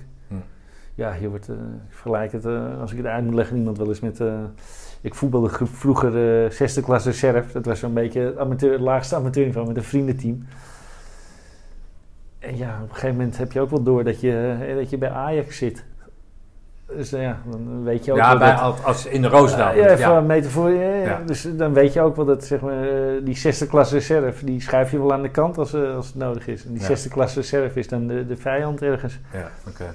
Dus je weet op een gegeven moment dat je gewoon heel erg goed bent. En ja, dan wil je niet, ik wilde niet zo liever dan, eh, dan op Oké. pad.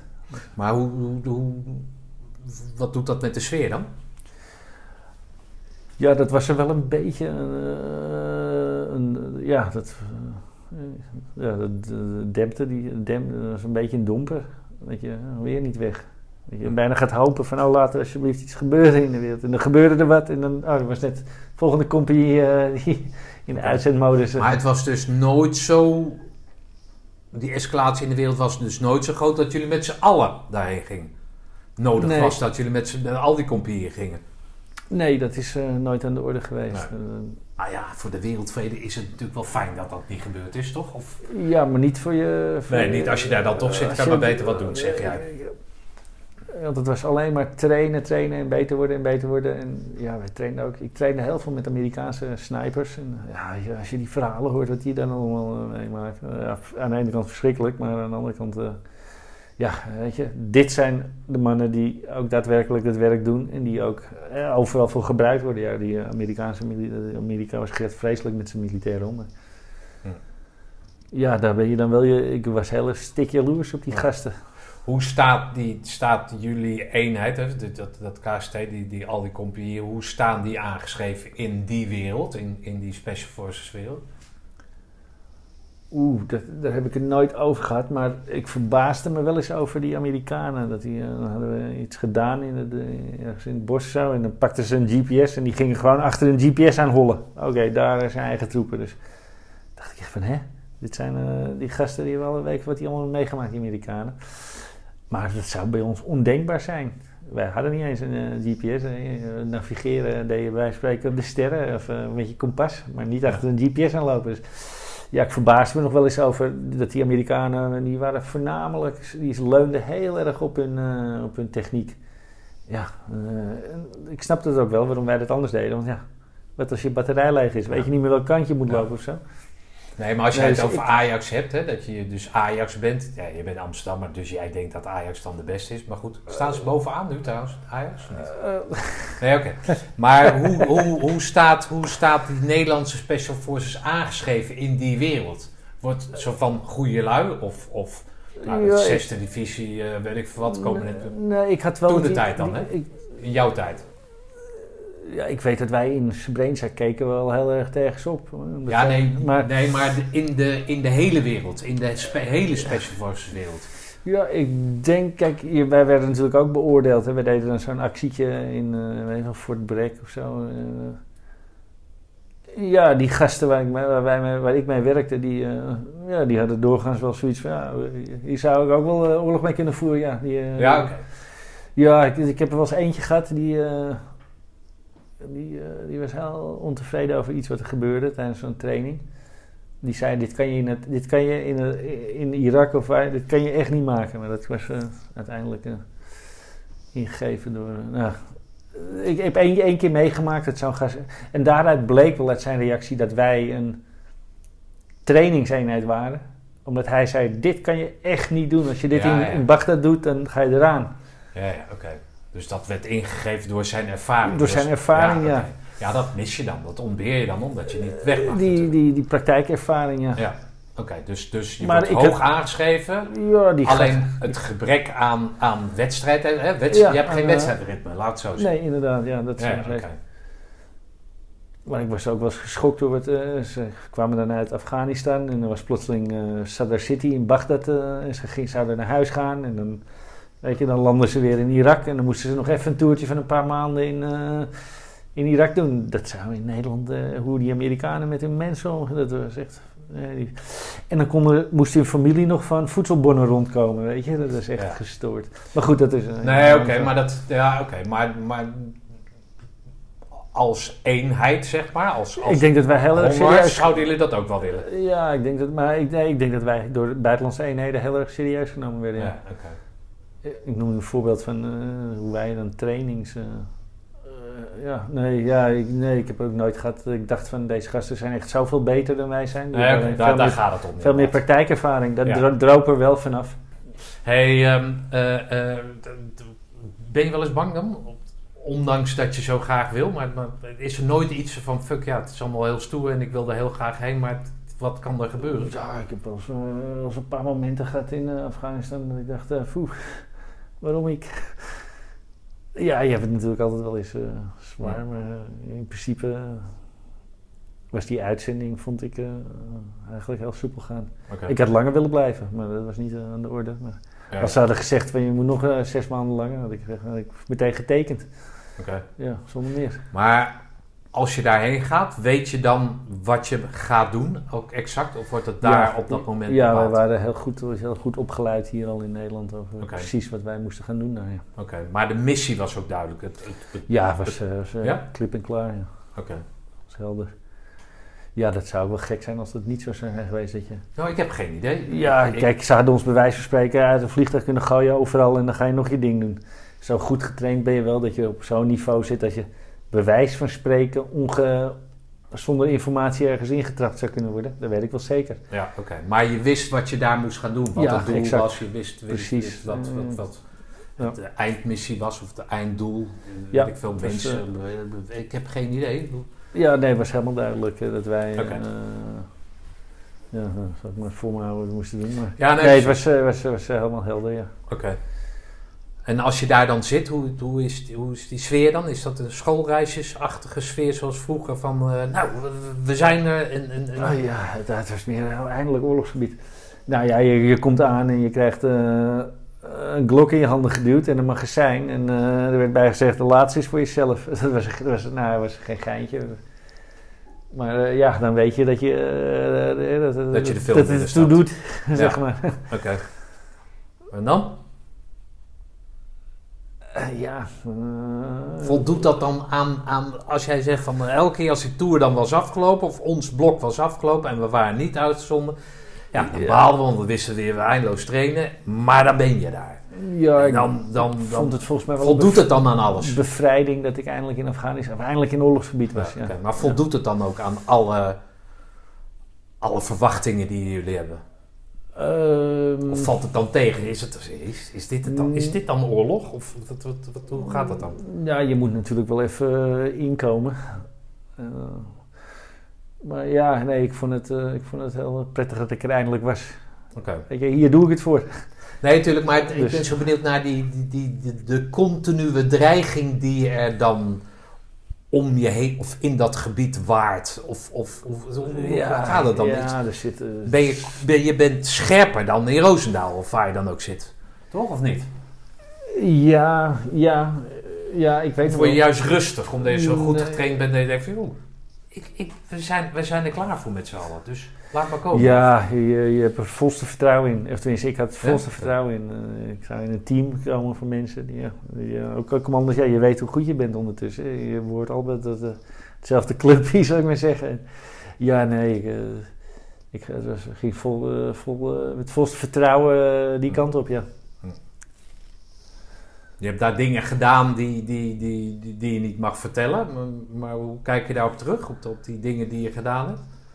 Eh, nou, het zat zo in elkaar dat je op een gegeven moment van tevoren teken je een formuliertje dat je zolang, in ieder geval zolang de missie nog loopt, vertel je over die missie niet.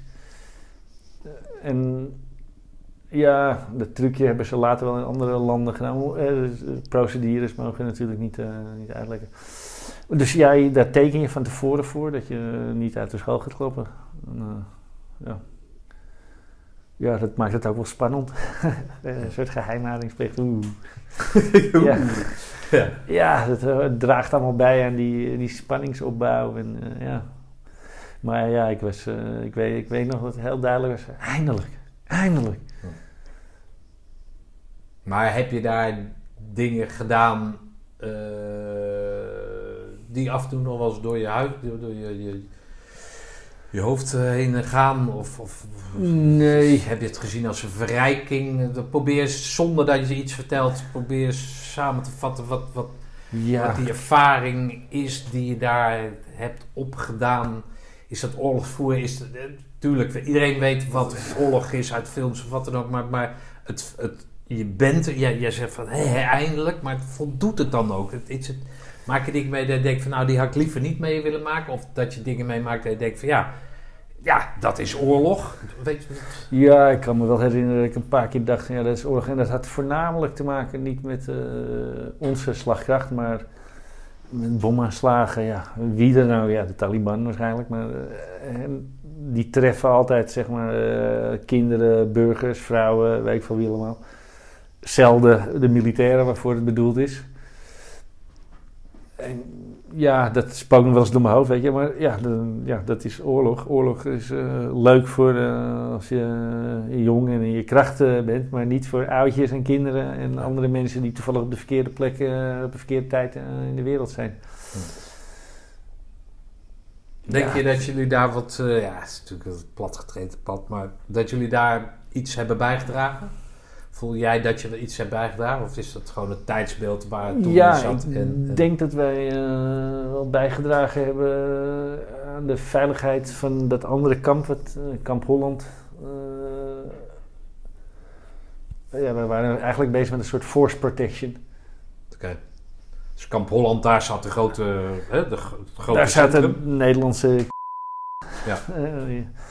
En jullie waren om hun te beschermen. Is dat? zeg Nou, je dat? Of- of- ja, het, een van onze taken was wel eh erachter proberen te komen, eh, ID facilitators. Dus degene die bermbommen eh, maakte. En ja, wij hadden wel eens, we haalden in die missie dus wel eens informatie boven. En dat werd er meteen gecommuniceerd. En hoe ze deden, deden ze het, die Afghanen. Maar dat was, want dat kamp Holland was 100 kilometer ver weg. Maar ze wisten dan al waar die patrouilles naartoe gingen en waar er op dit moment bermbommen in werden gegraven. En eh, als- wij hadden, ik geloof in 9 van de 10 keer, als die genie dan uit ging stijgen en op die plek die wij aangaven, daar eh, liggen, dan, dan vonden ze 9 van de 10 keer, of eh, ja, dus misschien wel een heel groot percentage, maar vaak vonden ze die bommen. Ja, dan wisten wij, ja, is eh, in ieder geval een leven of in ieder geval een paar benen, benen gered. Dus ja, dat was, eh, dat was heel dankbaar werk. Ja. Ja, Ja. Ja, dat ja, was erg. eh, Maar voor het land op zich, Nee, kijk, eh, ja. Kijk, de reden om daar naartoe te gaan, hè, ze trainden daar mensen om hier aanslagen te plegen. Dat vond ik een hele legitieme reden om vervolgens met een leger daar naartoe te gaan. En nou, op een gegeven moment zaten daar honderdduizend militairen en dan krijg je natuurlijk eh, vrouwenrechten, democratie. Wat aan zich natuurlijk prima motivatie zijn. Maar ik leerde eh, van een zo'n, die Afghanen die hadden gezegd, eh, een vriend komt niet met een wapen. Dat vond ik een hele goeie trouwens. en dat zijn allemaal zaken die, die uiteindelijk uit een samenleving zelf moeten komen. Want die kan je niet met een wapen opleggen. Eh, jij moet nu je vrouwen met respect gaan behandelen of je moet nu meisjes naar school sturen. Kan je wel zeggen. Maar ja, eh, met een wapen, eh, wat denk je als hier eh, die Russen zouden komen en zouden zeggen, weet je, zo moet je het doen. Zeg je, ik krijg de pleurs maar. Nee, dus ja, we hebben natuurlijk, zijn onderdeel geweest van die, van die, van die hele krijgsmacht die daar in ieder geval, die, die terroristische tankkampen, die waren al vrij snel weggebombardeerd volgens mij. Ja, en je levert dan een tijdelijke, maar dat zo'n samenleving dan vervolgens weer. Hè, kijk, die Taliban, dat gedachtegoed, dat, eh, daarom hebben ze die opmars ook zo snel gemaakt. Zo denken ze allemaal. En dat is gewoon, eh, zo, ze, denken, vrouwen echt, eh, meisjes naar school, doen normaal, werken, geld verdienen. En dus ja, die veranderingen, die, die kan je niet met een, met een staande, staande legermacht, kun je niet teweeg brengen. Dus eh, alles wat wij daar hebben gedaan een soort van tijdelijk. Nou, dat is ook wel gebleken. Ja. Maar dat is niet iets dat je daar mee zit of zo. Nee, nee. Kijk, ieder, net zoals ieder mens zijn eigen levensloop. Hè, heeft ook ieder land zijn eigen... eh, Ja. En, eh, kijk, ja. Dus ja, al die rare tribale dingetjes die daar een soort cultuur zijn geworden. Ja, daar zullen ze zelf mee eh, af moeten reden. Dat gaat natuurlijk... Kijk, ik geloof tijdens eh, in Afghanistan, eh, toen die Shah de macht was, die door die islamitische revolutie uiteindelijk eruit geknikkerd is. Toen liepen ze in, was er sprake van dat er metro zou komen in Kabul. En vrouwen liepen in korte rokjes. Ja, dus die tijden, die tijden, ja. Dus, maar het, het zal bottom-up moeten komen uit een samenleving. Ja. Ja, ik denk niet dat we de illusie moeten hebben dat het een eh, stabiele westerse democratie gaat worden. Nee, oké, maar jij hebt dus niet zoiets van dat je je, dat je, je eh, de, de, de, de- spijt van hebt dat wij daar hebben gezeten, of wij, hè, Nederland aan heeft deelgenomen. Ja, het was gewoon, dat was de visie op dat moment. Ja, en dat het nu anders is, ja, daar, daar, daar kunnen wij toch niet zoveel aan doen. Want ja, Nee, nee, nee. Ik, nee. voelt je Ten- niet schuldig? Nee, zo? ten eerste hadden wij een verantwoordelijkheid naar die andere Nederlandse Ja. militairen, die force protection, eh, wat het feitelijk was. En ja, dat eh, een meisje naar school hartstikke goed. Als je, eh, je, je wat verder, je wat beter met je land moet gaan, dan moet je die meiden gewoon eh, opleiding geven. En dan gaat het gewoon in de toekomst in ieder geval beter. Wordt het niet alleen maar oorlog. Dat is een beetje de theorie natuurlijk. En ja, we hebben daar eh, lokaal misschien een kleine bijdrage aan geleverd. Maar nee, dat voel ik me. Het is mijn verantwoordelijkheid. Nee, natuurlijk. Nee, dus, nee, eh, jij- jij, jij voert de opdracht zijn- van de het is, politiek een, uit het is een, een overheid die denkt: oké, we moeten in ieder geval die kampen, die terroristenkampen weg daar. En eh, in, een- in dat proces, als we dan ook nog wat meisjes naar school kunnen sturen, dan. eh, ja, nee, ja, een, een bescheiden bijdrage aan geleverd. Ja, Nee, ik vind het. eh, nee, ik kan. Nee. Maar dan kom jij terug.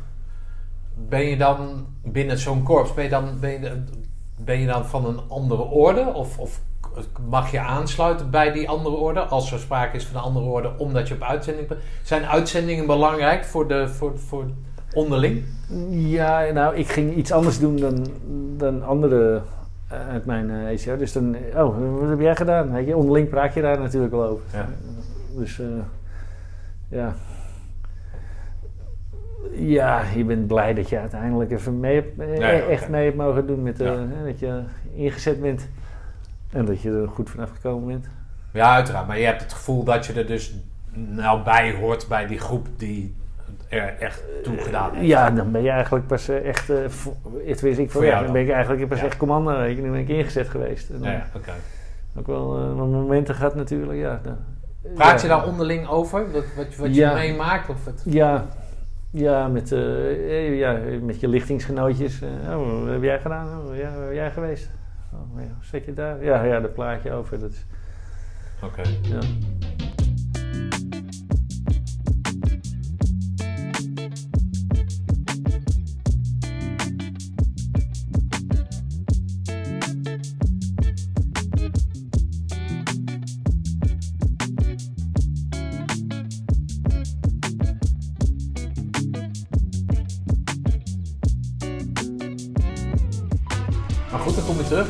En, wat, wat is jouw toekomstbeeld binnen dat korps dan? Nou ja, ik ben gewoon poppetje of operator. Ja. Dus dan, eh, ja, als je een tijdje meedraait en je functioneert,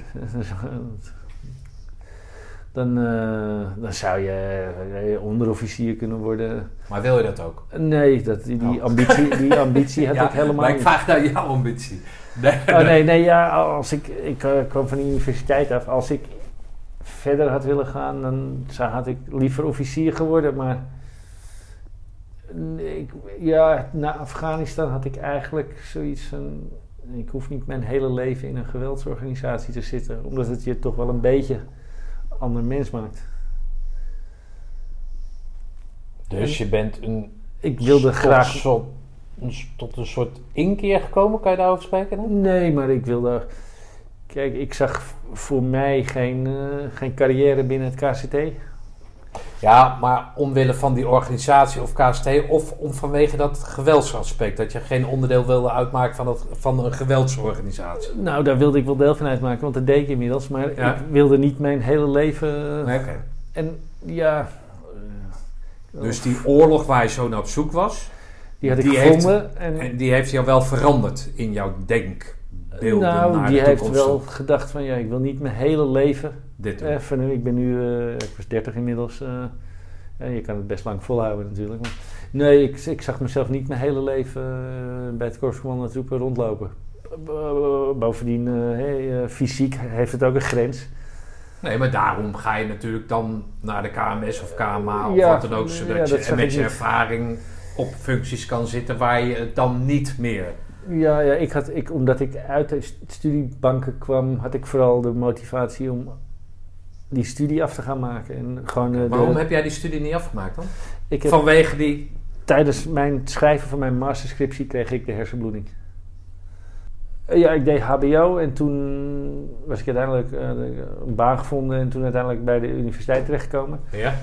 En toen ik op de universiteit bezig was, toen ging ik naar de site en toen zag ik, hey, geen 25 maar 30. ja.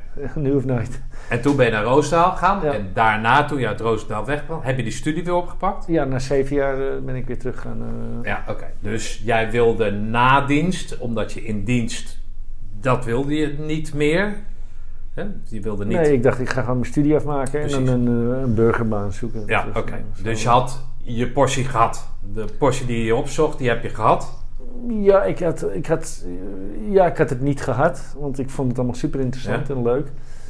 Maar ja, dit was niet de baan voor mijn leven. Nee, dat, Oké, dat- maar is het dan dat je hetgeen wat je hebt meegemaakt, dat was bevredigend om de rest van je leven daar afstand van te nemen dan? ik was wel heel tevreden over mijn tijd bij, Ja, bij het. Ja, ja. Dus het, het voldeed aan de verwachtingen, maar niet voor, voor je hele leven. Ja, inderdaad, precies zo. Ja, ja, niet, eh, niet, eh, nee, ik was niet van plan mijn hele leven bij, Nee, eh, als militair te gaan. En dat had niks met het KST te maken, dat had niks met, met de invulling van, van, van, van, van de tijd, dat je niet meer op uitzend, of dat die uitzendingen minder werden of whatever. Nee, dat had gewoon ja. puur met je eigen ambitie te Ja, maken. als, misschien als we vaker uitgezonden waren geweest, had ik andere afwegingen gemaakt. Dat zou kunnen. Omdat, ja, het bleef er maar een beetje bij. Dan zit je weer te hopen, eh, hopelijk eh, stort de wereld nu in. Nee, oké. Maar nee, Maar dat was het einde van die uitzendingen, zat jij, zeg maar. Er was geen, of, of ik, ik, ik ben niet zo politiek eh, eh, zo op de hoogte dat ik weet wanneer dat Afghanistan eh, af... Ja, dat was rond die tijd. Daarna gingen jullie niet meer naar Afghanistan dan toch? nee, nee, daarna... eh, het is niet dat toen ik wegging dat daarna plotseling weer... eh, Nee. nee, dan had ik een verkeerde keuze gemaakt. Nee, oké. Dus het was een overweging van ja, oké, het houdt een beetje op. Kijk een beetje de krant in. van, Ja, nou, er dat zit leger, ik ga niet verder in het leger. Ja, of ja. Ik, wil, ik, had liever, ik wilde liever eh, minister van Defensie worden, bij wijze van Ja, spreken. En dan, eh, Maar de minister van Defensie had niet met de KMA gekund of zo. Ik denk dat het op zich wel een aardige eh, ik wilde, is, toch? om eerlijk te zijn, ik wilde de Kamer graag op mijn cv bijschrijven. Ik heb ook een gesprek gehad daar. Maar, ja, nou, wat ik dacht, zal ik maar voor me houden. Maar nee, dat, je moet dan voor zo'n aanname in de adviescommissie verschijnen. En dat was niet, geen onverdeeld succes, zal ik maar zeggen. Vanuit hun of vanuit jou? Eh, ik denk beide een beetje. En ja, zij vonden, eh, ze zeiden op een gegeven moment, ja, met jouw eh, politicologie ja, als achtergrond en ze zeiden ze, wil je dan niet richting de veiligheidsdienst? En ik moet even denken, want het was nog voor Afghanistan dat ik dat deed. En na Afghanistan eh, had ik zoiets over die veiligheidsdiensten, weet je, dat is zo'n slangenkuil. Nee, had ik, nee, had ik, toen had ik helemaal niet meer de behoefte om daar te blijven. Oké, maar ze boden je niet iets aan binnen de landmacht? Nee, nee, nee. Nee, oké. Nee, nee. En dat had te maken met, met jouw, jouw, jouw hoe noem je dat? Je, je studierichting, of in ieder geval jouw interesse in een bepaalde studierichting. Ja, ik denk dat, aan, dat, aan dat leven wat je bij het KST hebt ik denk dat ze op de KMA eh, zoiets hadden van eh, die KCT'ers die... eh, ik weet niet. Daar hadden ze niet zoveel mee, volgens mij. Nee, oké. En toen botste dat ook nog eens behoorlijk in dat aanname- en adviesgesprek. toen dacht ik, weet je, dat leger... Oké, dus dat was de laatste deur die dichtviel. Dat je dacht van, nou oké, ik moet weg. Ja, die, eh, die kamer, dat gaat er niet. Ik, ik, ik- het leek me wel, wel leuk, maar eh, toen, toen ik eenmaal besloot dat nee, weet je, mijn leven in het leger, dat, eh, nee, dat is het er niet. Oké, Dan kwam eigenlijk ook die weg te, dat we. oké. Maar dan kom je dus als een gelouterd iemand, kom je dan weer die burgermaatschappij in. Ja. Ja, nou, ik weet nog wel dat, ik, dat er één ding was dat ik heel erg gek vond toen ik uit Afghanistan terugkwam. In Afghanistan was het alleen maar eh wij, zij denken. Want je hebt daar allerlei eh, stammen. Eh, die eh Hazara's of zo. Dat is echt de onderklasse daar. Hè? Die doen alle kutbaantjes. En, eh, en als er eh, wel iemand verkracht werd of zo, dan werd er natuurlijk in de media geroepen. En dan werd er een volksgericht opgezet. En dan gingen er een paar van die onderklassen gingen eraan. Dus dat was dus een beetje mijn politicologische blik die ik daar natuurlijk losliet, ook in Afghanistan toen ik daar rondliep.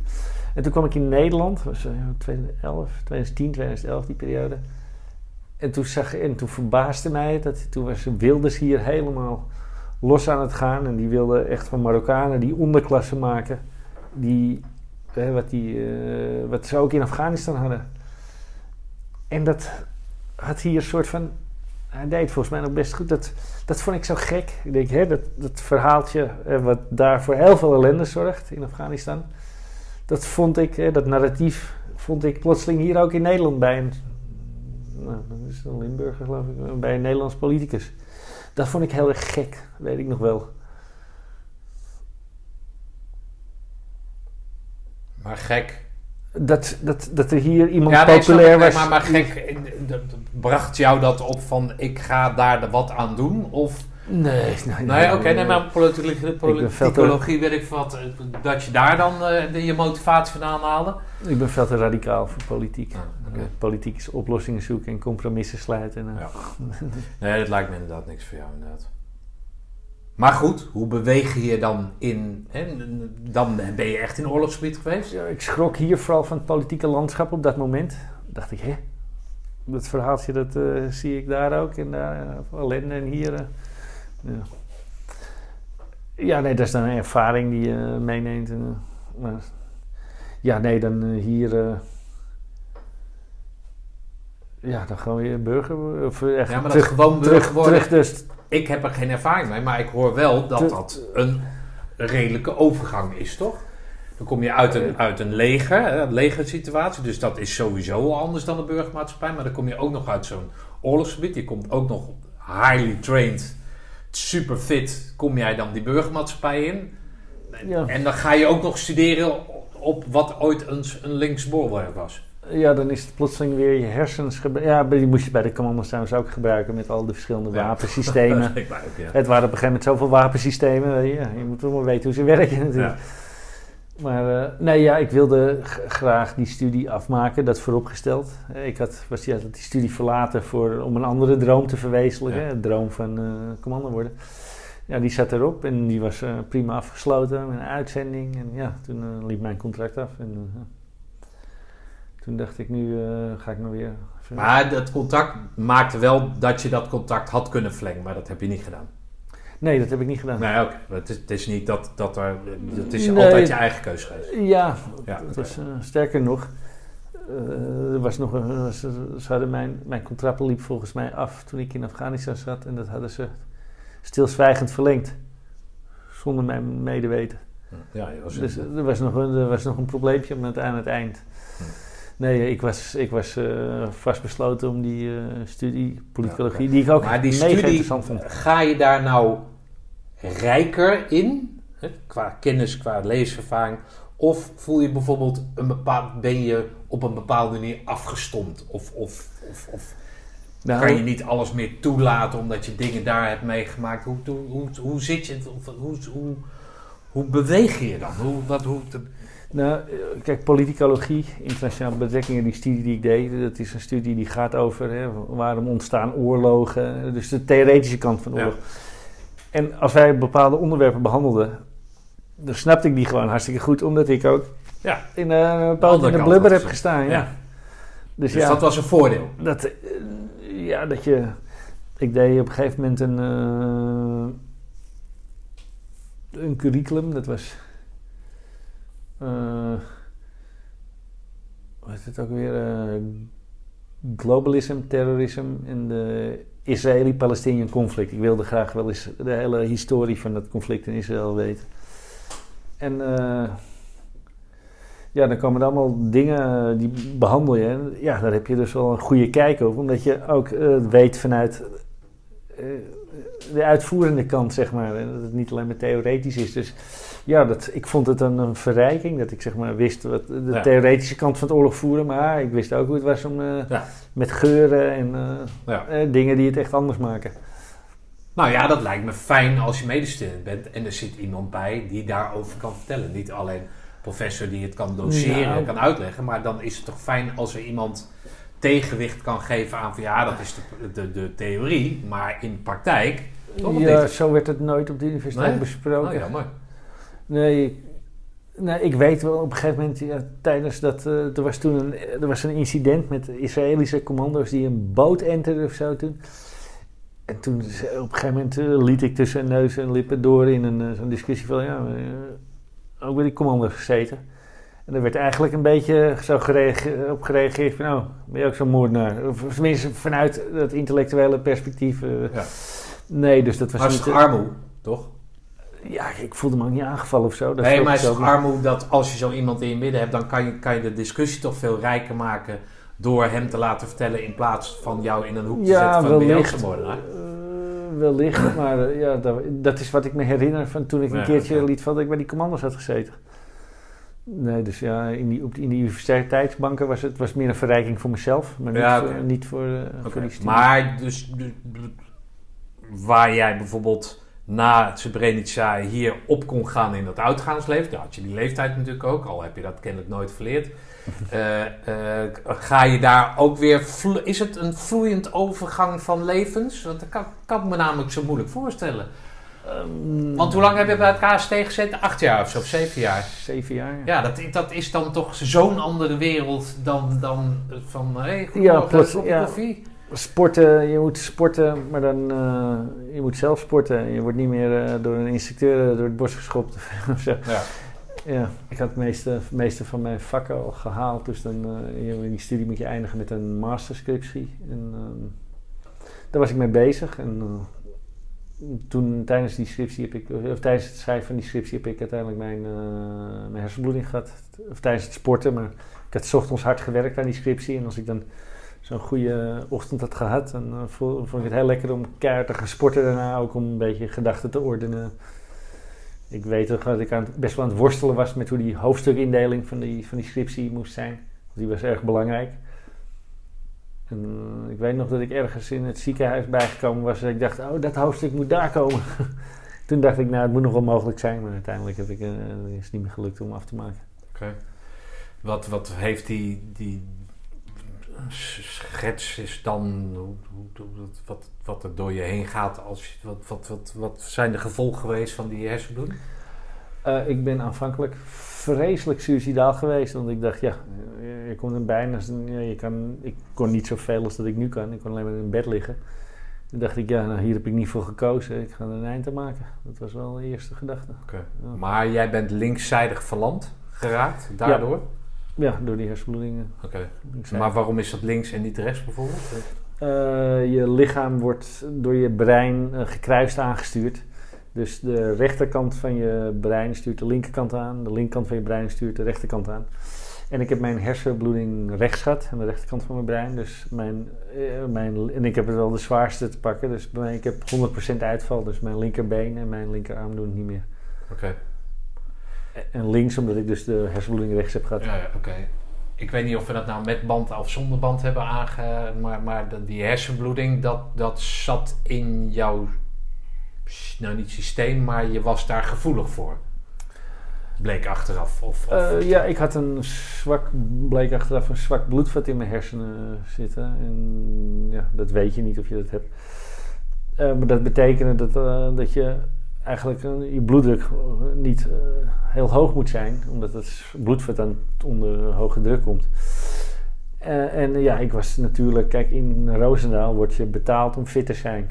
Je moet ieder moment zo'n vest op, op kunnen hijsen. En dat vest, daar komt er munitie bij en water, weet je. Dan loop je al met eh, 30 kilo, 35 kilo. Dus in Roosendaal word je betaald om fit te zijn, zeg maar. En ja, dus ik kwam eruit. Ik was nog steeds fit. Ik sportte. Ik was bijna de hele dag bezig met sporten. Ik wel vier, vijf uur per dag. En eh, met een sporthart inmiddels. eh, dus ook s'nachts een hoge bloeddruk. En dat was... eh, en dat, dat wist je? Nee, dat wist ik niet. Oh, dat wist je ook niet? Nee, ik wist niet dat ik een zwak bloedvat in mijn hersenen had zitten. Nee, maar dat van dat sporthart, want dat hadden we al eerder gesproken. Maar dat, Ja, ik was een mega sportman. Dus dan Ja, heb je gewoon een sporthart natuurlijk. Ja, oké. Ja, in het begin kreeg ik nog wel medicijnen om die hartspier te verkleinen. Omdat ze bang waren. Ze hadden nog niet onderzocht in het brein wat er allemaal mis was. Dus ze wilden het, het hart... Maar weer- dat hart, dat, on, dat was onderkend. Dat dat, dat, dat ja, eventueel de- gevaar zou kunnen opleveren. Daar kreeg je medicatie Dat dat een sporthart eh, was inderdaad. En Ja, daarmee een vergrote hartspier. En dat die te hard pompt En eigenlijk. minder sporten helpt dan niet of zo? Ik heb geen idee. Ja, als je stopt met sporten of minder gaat sporten, dan wordt die, die hartspier Ja, oké. weer. Maar dat was die verslaving aan dat sporten, dat, dat fit zijn, dat fit blijven. Ja, dat, is wel echt een verslaving die eh Ja, na zeven jaar KCT eh, overhoudt. En er was niemand die tegen jou zei van, joh, die moet wat minder gaan sporten, want dat maakt dat je... Nee, van de sporthart, het, eh, wielrenners hebben dat doorgaans ook, dat is prima. Ik had wel, eh, wel eens een vriend van, eh, van me die tegen me zei, Rogier, je wordt nou wel heel erg gespierd. Weet je, kan het niet wat minder? Weet je, dit wordt bijna bovenmenselijk. Ja. Dat is overdreven, maar Nou ja, goed. dat je wordt op een gegeven moment, ieder spiertje raakt getraind. Dus ja, je wordt natuurlijk wel een soort van beul. Ja, oké. Dat is heel prettig. Ja. Maar dan lig je op dat bed. Ja, dat bed dacht ik, ja, hier heb ik niet voor gekozen, dus eh, ik ga er een eind aan maken. Ja, dat kan dan niet, want je kan niet eens, je kan niet eens naar een treinstation komen. En eh, ja, ja het- ik heb er lang over na moeten denken over hoe ik dat in godsnaam nou ging doen. Zo liggend in een bed. Ja, uiteindelijk eh, ik, eh, ik denk, nou ja, ik moet gewoon het laken op mijn nek wisselen en mij uit bed laten vallen. Dus dat, eh, maar mijn ouders kwamen wel eens onverwacht. En, eh, dus ik dacht, ja, weet je, zou je het zien dat je je uit bed laat vallen aan de, andere kant, aan de achterkant van het bekhand en je, je ouders komen eh, eromheen lopen. Nee, dus hoe ik het. Ik dacht, ja, ik mezelf, ja, dat was, nou goed. Ik vind het niet leuk om erbij stil te, te denken. Dat was heel veel tijd. Maar is dat in een ziekenhuis dan? Dat was in het ziekenhuis. Ja, ja. ja, oké. Toen eh, kwam ik er net over, ja, ja, je hebt het hersenbloeding overleefd en eh, ja, je bent wel halfzijdig verlamd. Ja, ik dacht, ja, daar heb ik niet voor gekozen. Oké. Zo wil ik het niet. Daar heb ik helemaal geen trek in. Maar dan ben je dus suicidaal. Of je denkt er veel aan. Je probeert oplossingen te zoeken in dat, in dat gebied. Maar wat maakt dan dat je dat niet hebt gedaan dan? Eh, nou, dat was een opmerking van mijn toenmalige vriendin. Het, ik weet nog wel, het was op een gegeven moment. het was een zonnetje scheen buiten en, eh, en mijn vriendin kwam toevallig langs. En eh, ik zei tegen haar: Weet je, ik vind het echt wel een mooie dag vandaag. Een mooie dag. eh. En zij begreep het wel en zij zei toen: Ja, maar je bent niet alleen.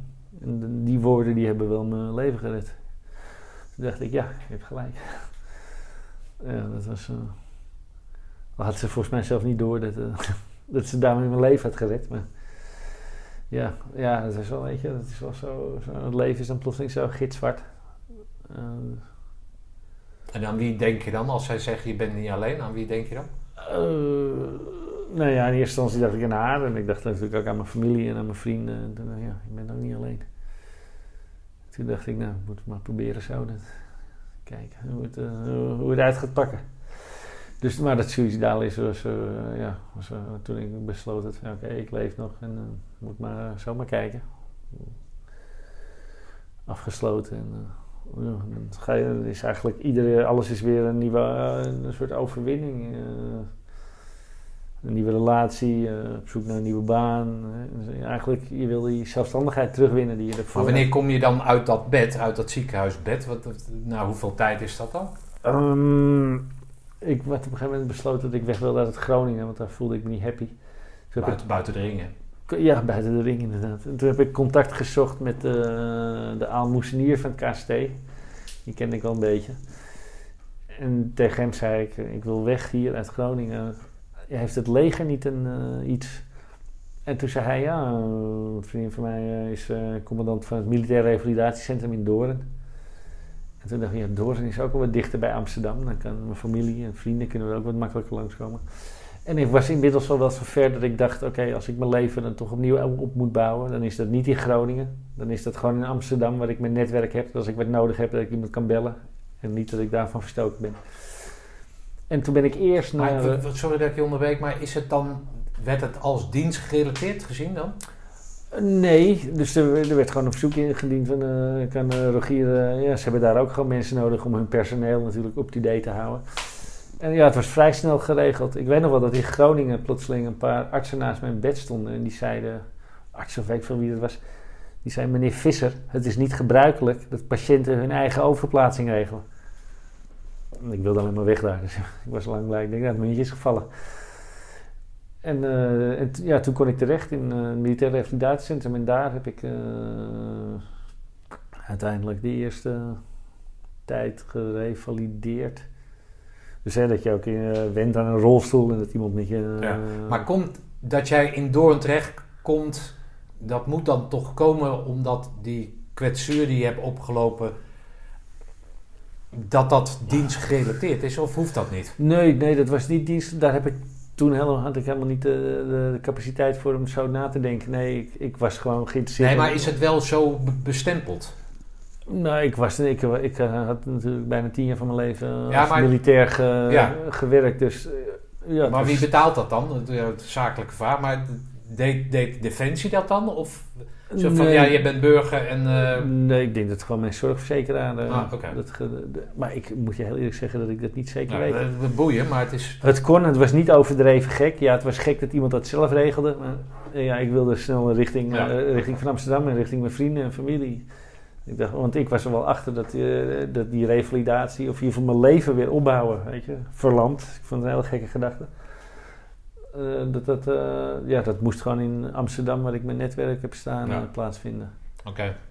Hoe is dat dan een Doorn?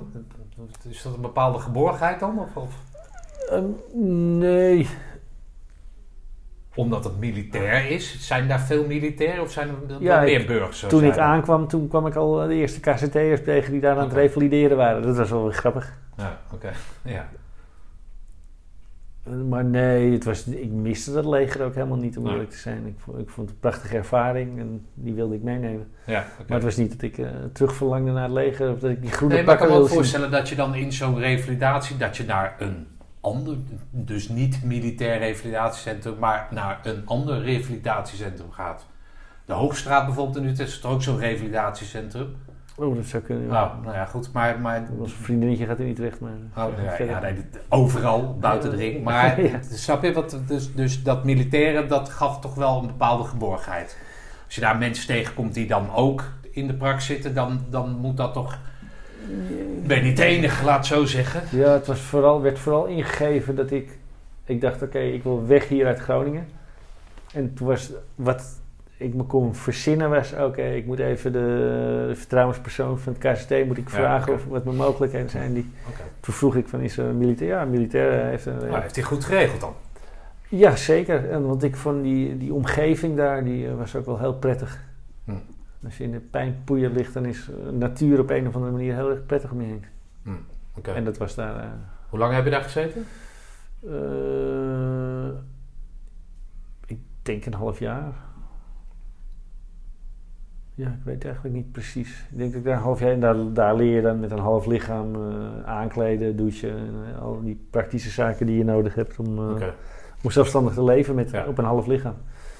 Dat is het uiteindelijke doel. Dat is de missie van ik ga daarheen om weer zelfredzaam te worden. Ja, In zoverre dat kan. wel vanaf het begin af aan overtuigd dat ik... Ja, ik, ga niet, ik, ik heb nog een half lichaam. Dus toen ik vroeg, eh, kan het met een half lichaam? Ja, dat was, eh, de meeste mensen die ik erover sprak, die zeiden ja, dat is prima mogelijk. Dan dacht ik, nou ja, dan moet ik er dus aan werken om... eh, Oké.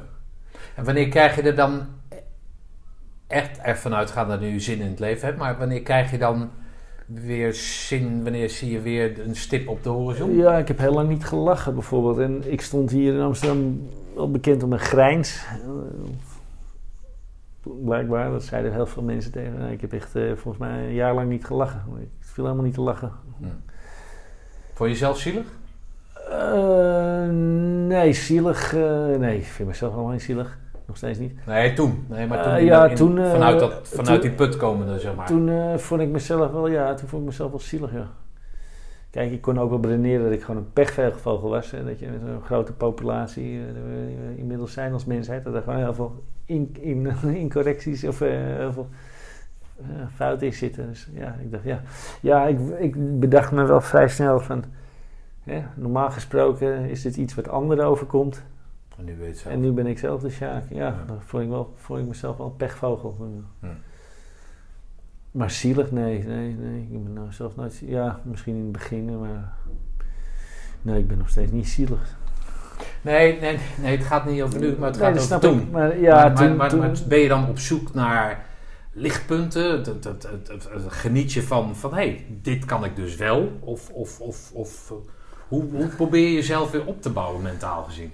Oh, nou, ik weet wel... eh, Omdat je het slikken ook te maken hebt met... eh, je bent zo halfzijdig verlamd. Werd alles verdikt. Ook zelfs water. eh, dat je er niet in kon verslikken. Ik weet wel dat ik vrij snel dacht... oh, ik zou het wel heel vervelend vinden als ik niet een keer op een hete dag een biertje achterover kan rossen. Eh, dat ik alles moet verdikken. Maar dat is gelukkig.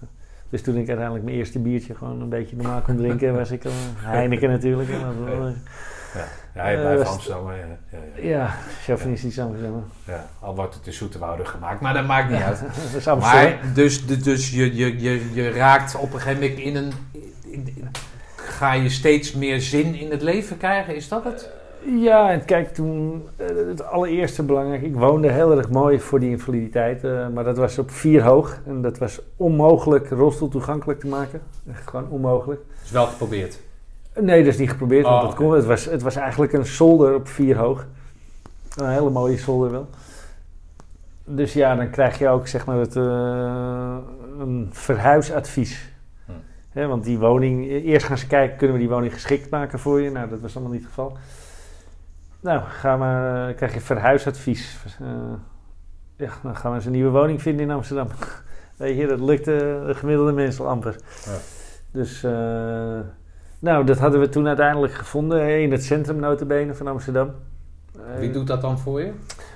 Je komt dan uit bij de WMO, dat is dan de Wet Maatschappelijke Ondersteuning, Ja. die eh, bedoeld is om, om, om je te helpen als je in, hè, in zo'n kutsituatie terechtkomt.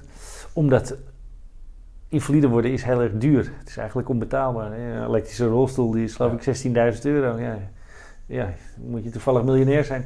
Kijk, die invaliditeit, als je weet dat die gaat komen, kan je ervoor sparen. Maar die, komt uit de lucht vallen. Dus ja, dan krijg je een verhuisadvies en dan krijg je wel een soort van ja, een rolstoelindicatie was dat.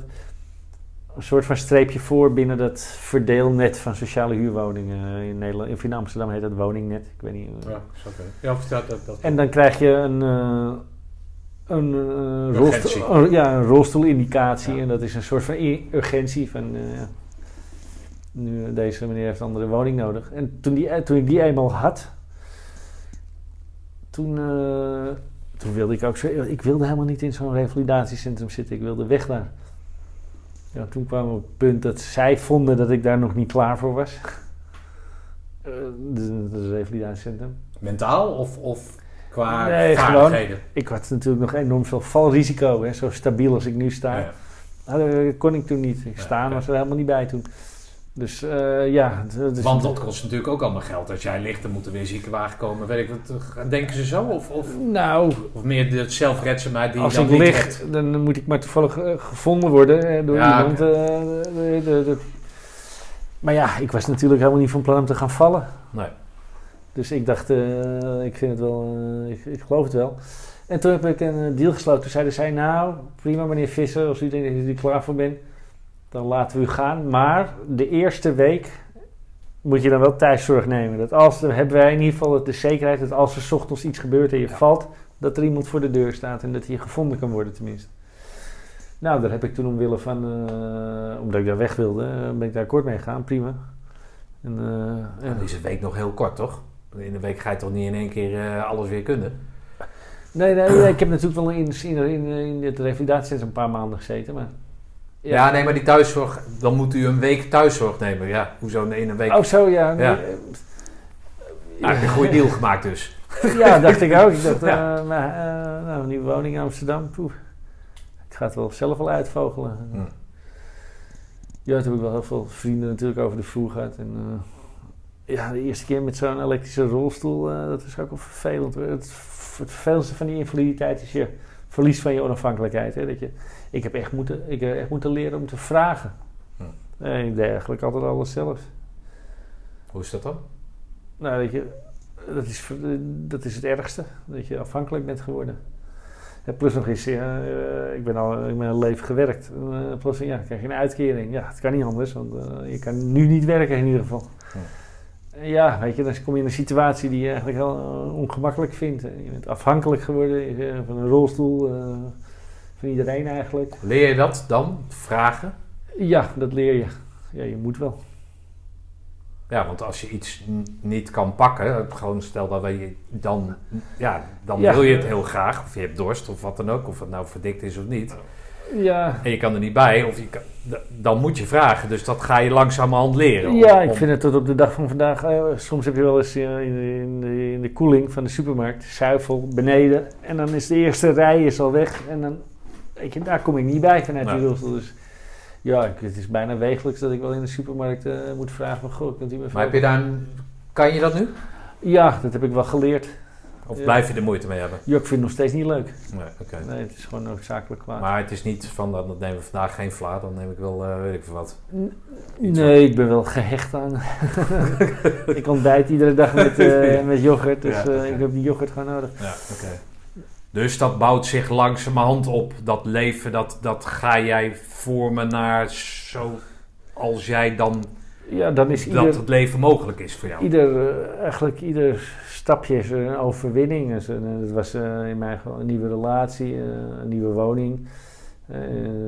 Nu ben ik het Ja, die relatie, daar komen we zo op, want daar kun je wel zo overheen skippen, maar ja. Nee, maar ja, dan ga je eigenlijk, dan ga je, wil je die zelfstandigheid terugwinnen, hè, waar je in het begin nog wel mensen voor nodig hebt, hulp. Dat wil je uiteindelijk ook zelf kunnen. Dus Oké.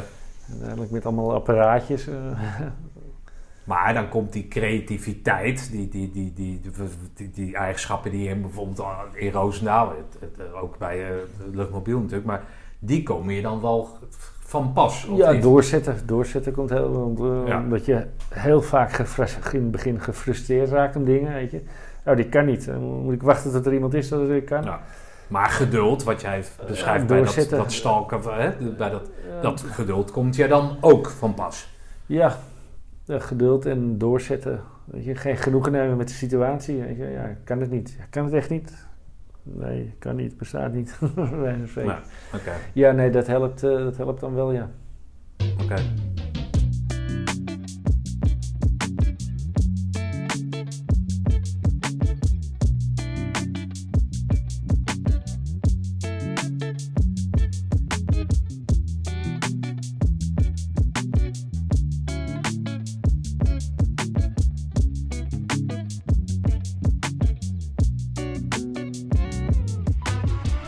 Relatie waar je het over hebt, vertel me, ik vind dat namelijk een heel mooi verhaal.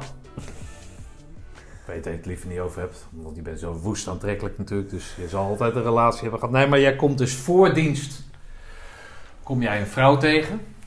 Ja, ik had net, net mijn groene beret gehaald. En eh, ja, eigenlijk vreselijk verliefd, verliefd meteen. Maar toen dacht ik, ja... Plotseling, hè, op een vrouw die jij tegenkomt op een verjaardag. Ja, die ik op, eh, op een housewarming was eigenlijk. En ik dacht, oh, ik, nou, het was Liefde op het eerste. Ja, dat was eigenlijk wel liefde op het eerste gezicht. Maar toen dacht ik, ja, luister, je hebt net je groene beret gehaald, je gaat nog sterven op een slagveld. Dus eh, toen heb ik, eh, heb ik dat gelaten. Zij, zij was net een leuk iemand tegengekomen, dus ik had. Ik dacht, Maar het, het was ook wederzijds dan. Dat voelde je op dat moment. Je gaat naast zitten en je praat en je voelt dat de vlammen eruit slaan dan. Is, is dat het? Want, nou, toen nog niet, maar dat zou later blijken. Oké. Ik ben haar na mijn invaliditeit weer tegengekomen en... eh, toen had zij dus van die kerel die, waar zij toen kennis van had. waar ik toen een blauwtje door heb gelopen, ja. Ja, blauwtje. Ja, goed, je zegt het zelf. Maar in ieder geval, daar had ze, heeft ze twee kinderen van gehad. Daar is ze van gescheiden. En jullie komen tijdens, in het begin van jouw invaliditeit, kom je haar weer tegen. Ja, we komen elkaar weer tegen en eh, ja, dat was eigenlijk... eh, toen was, waren er geen belemmeringen meer. Was liefde eh, op het eerste gezicht en ja, alles was hopeloos liefde. Ja, dat gaat gewoon door als je invalide bent blijkbaar. Nee, dat was heel erg, dat was heel erg, dat een romantisch verhaaltje. We zijn inmiddels alweer vijf jaar gelukkig samen. Maar verbaast het jou dan? Ik heb die vragen gesteld toen de band er niet aan stond. Maar verbaast het je dan dat een vrouw eh, verliefd kan worden op een man in een rolstoel? Ja, het verbaasde mij wel enigszins, want ik was natuurlijk mijn zelfvertrouwen. de- ik dacht, ik ben niet meer, ik ben geen complete vent meer. Eh, je, je loopt. Dus ja, dat, was, eh, dat moest ik weer opnieuw leren. Dat dat, dat, eh, niet zo.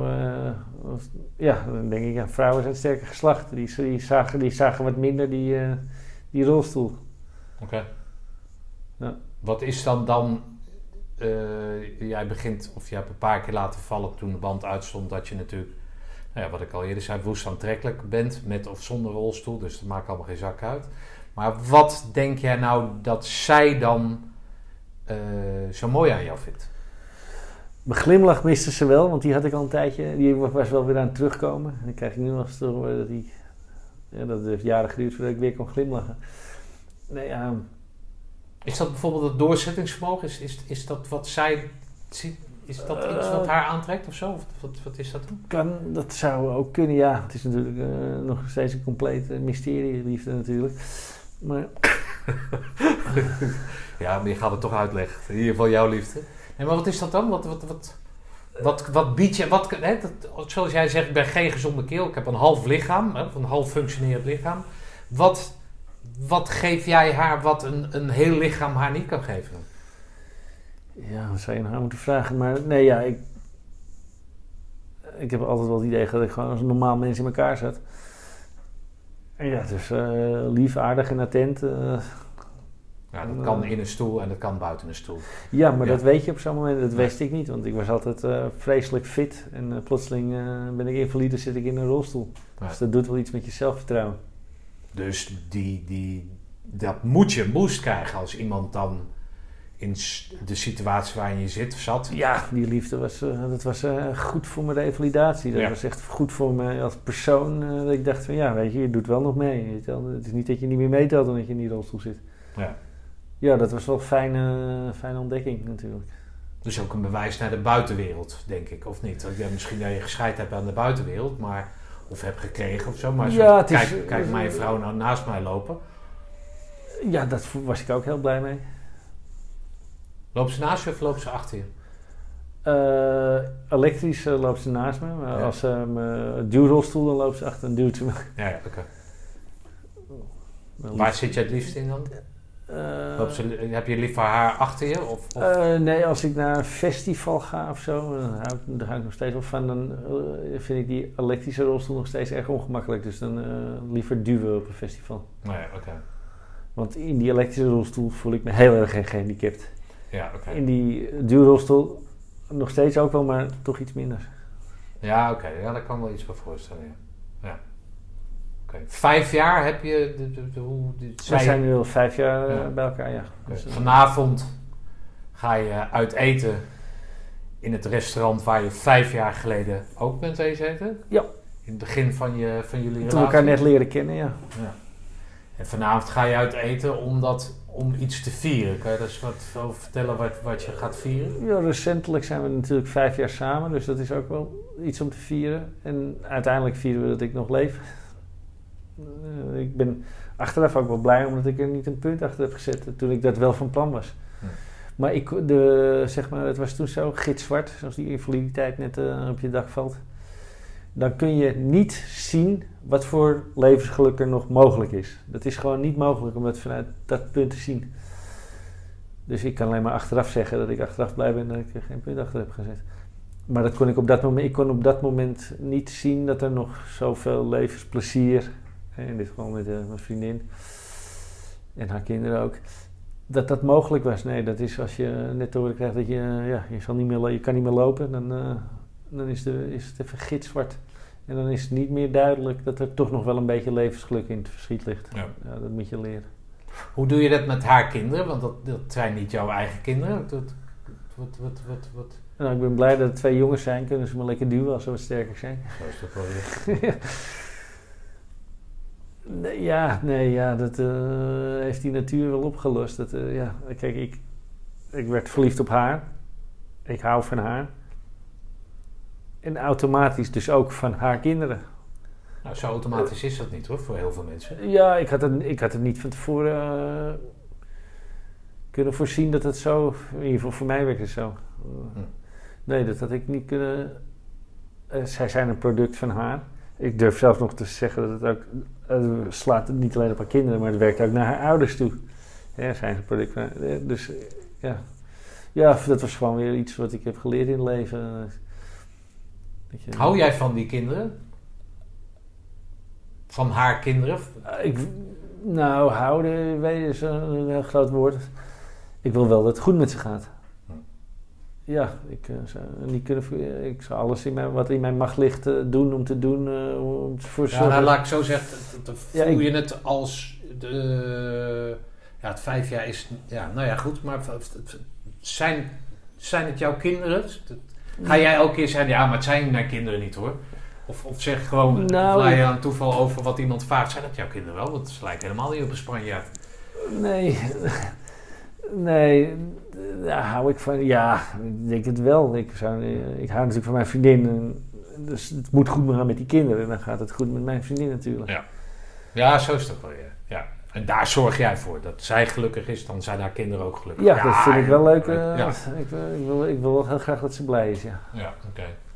Hey, die, uh, uh, die vriendschappen die zeg maar in zo'n extreme situatie als ECO, Afghanistan, weet ik wat, ontstaan zijn. Of daar hun. Wat, wat, wat, wat, hoe, hebben die jongens. wat is daarvan overgebleven toen je in de park lag? ik heb het beeldje wat in Carry staat, kreeg ik met een beterschap van de maten. Dat vond ik heel erg leuk. En wat misschien nog wel veel leuker was, een uh, collega van de ECO van mij, die uh, Fries, die, die woont in Friesland. En ja, dat was van Groningen niet zo heel ver. En hij heeft een vrouw uit een, uit een slagersfamilie. En dat eten in dat ziekenhuis was zo vreselijk slecht en hij kwam wel eens en dan nam hij worstjes mee van de slagerij van de familie van zijn vrouw. Nou, ik durf bijna wat te zeggen dat die worstjes misschien om mijn leven hebben gered.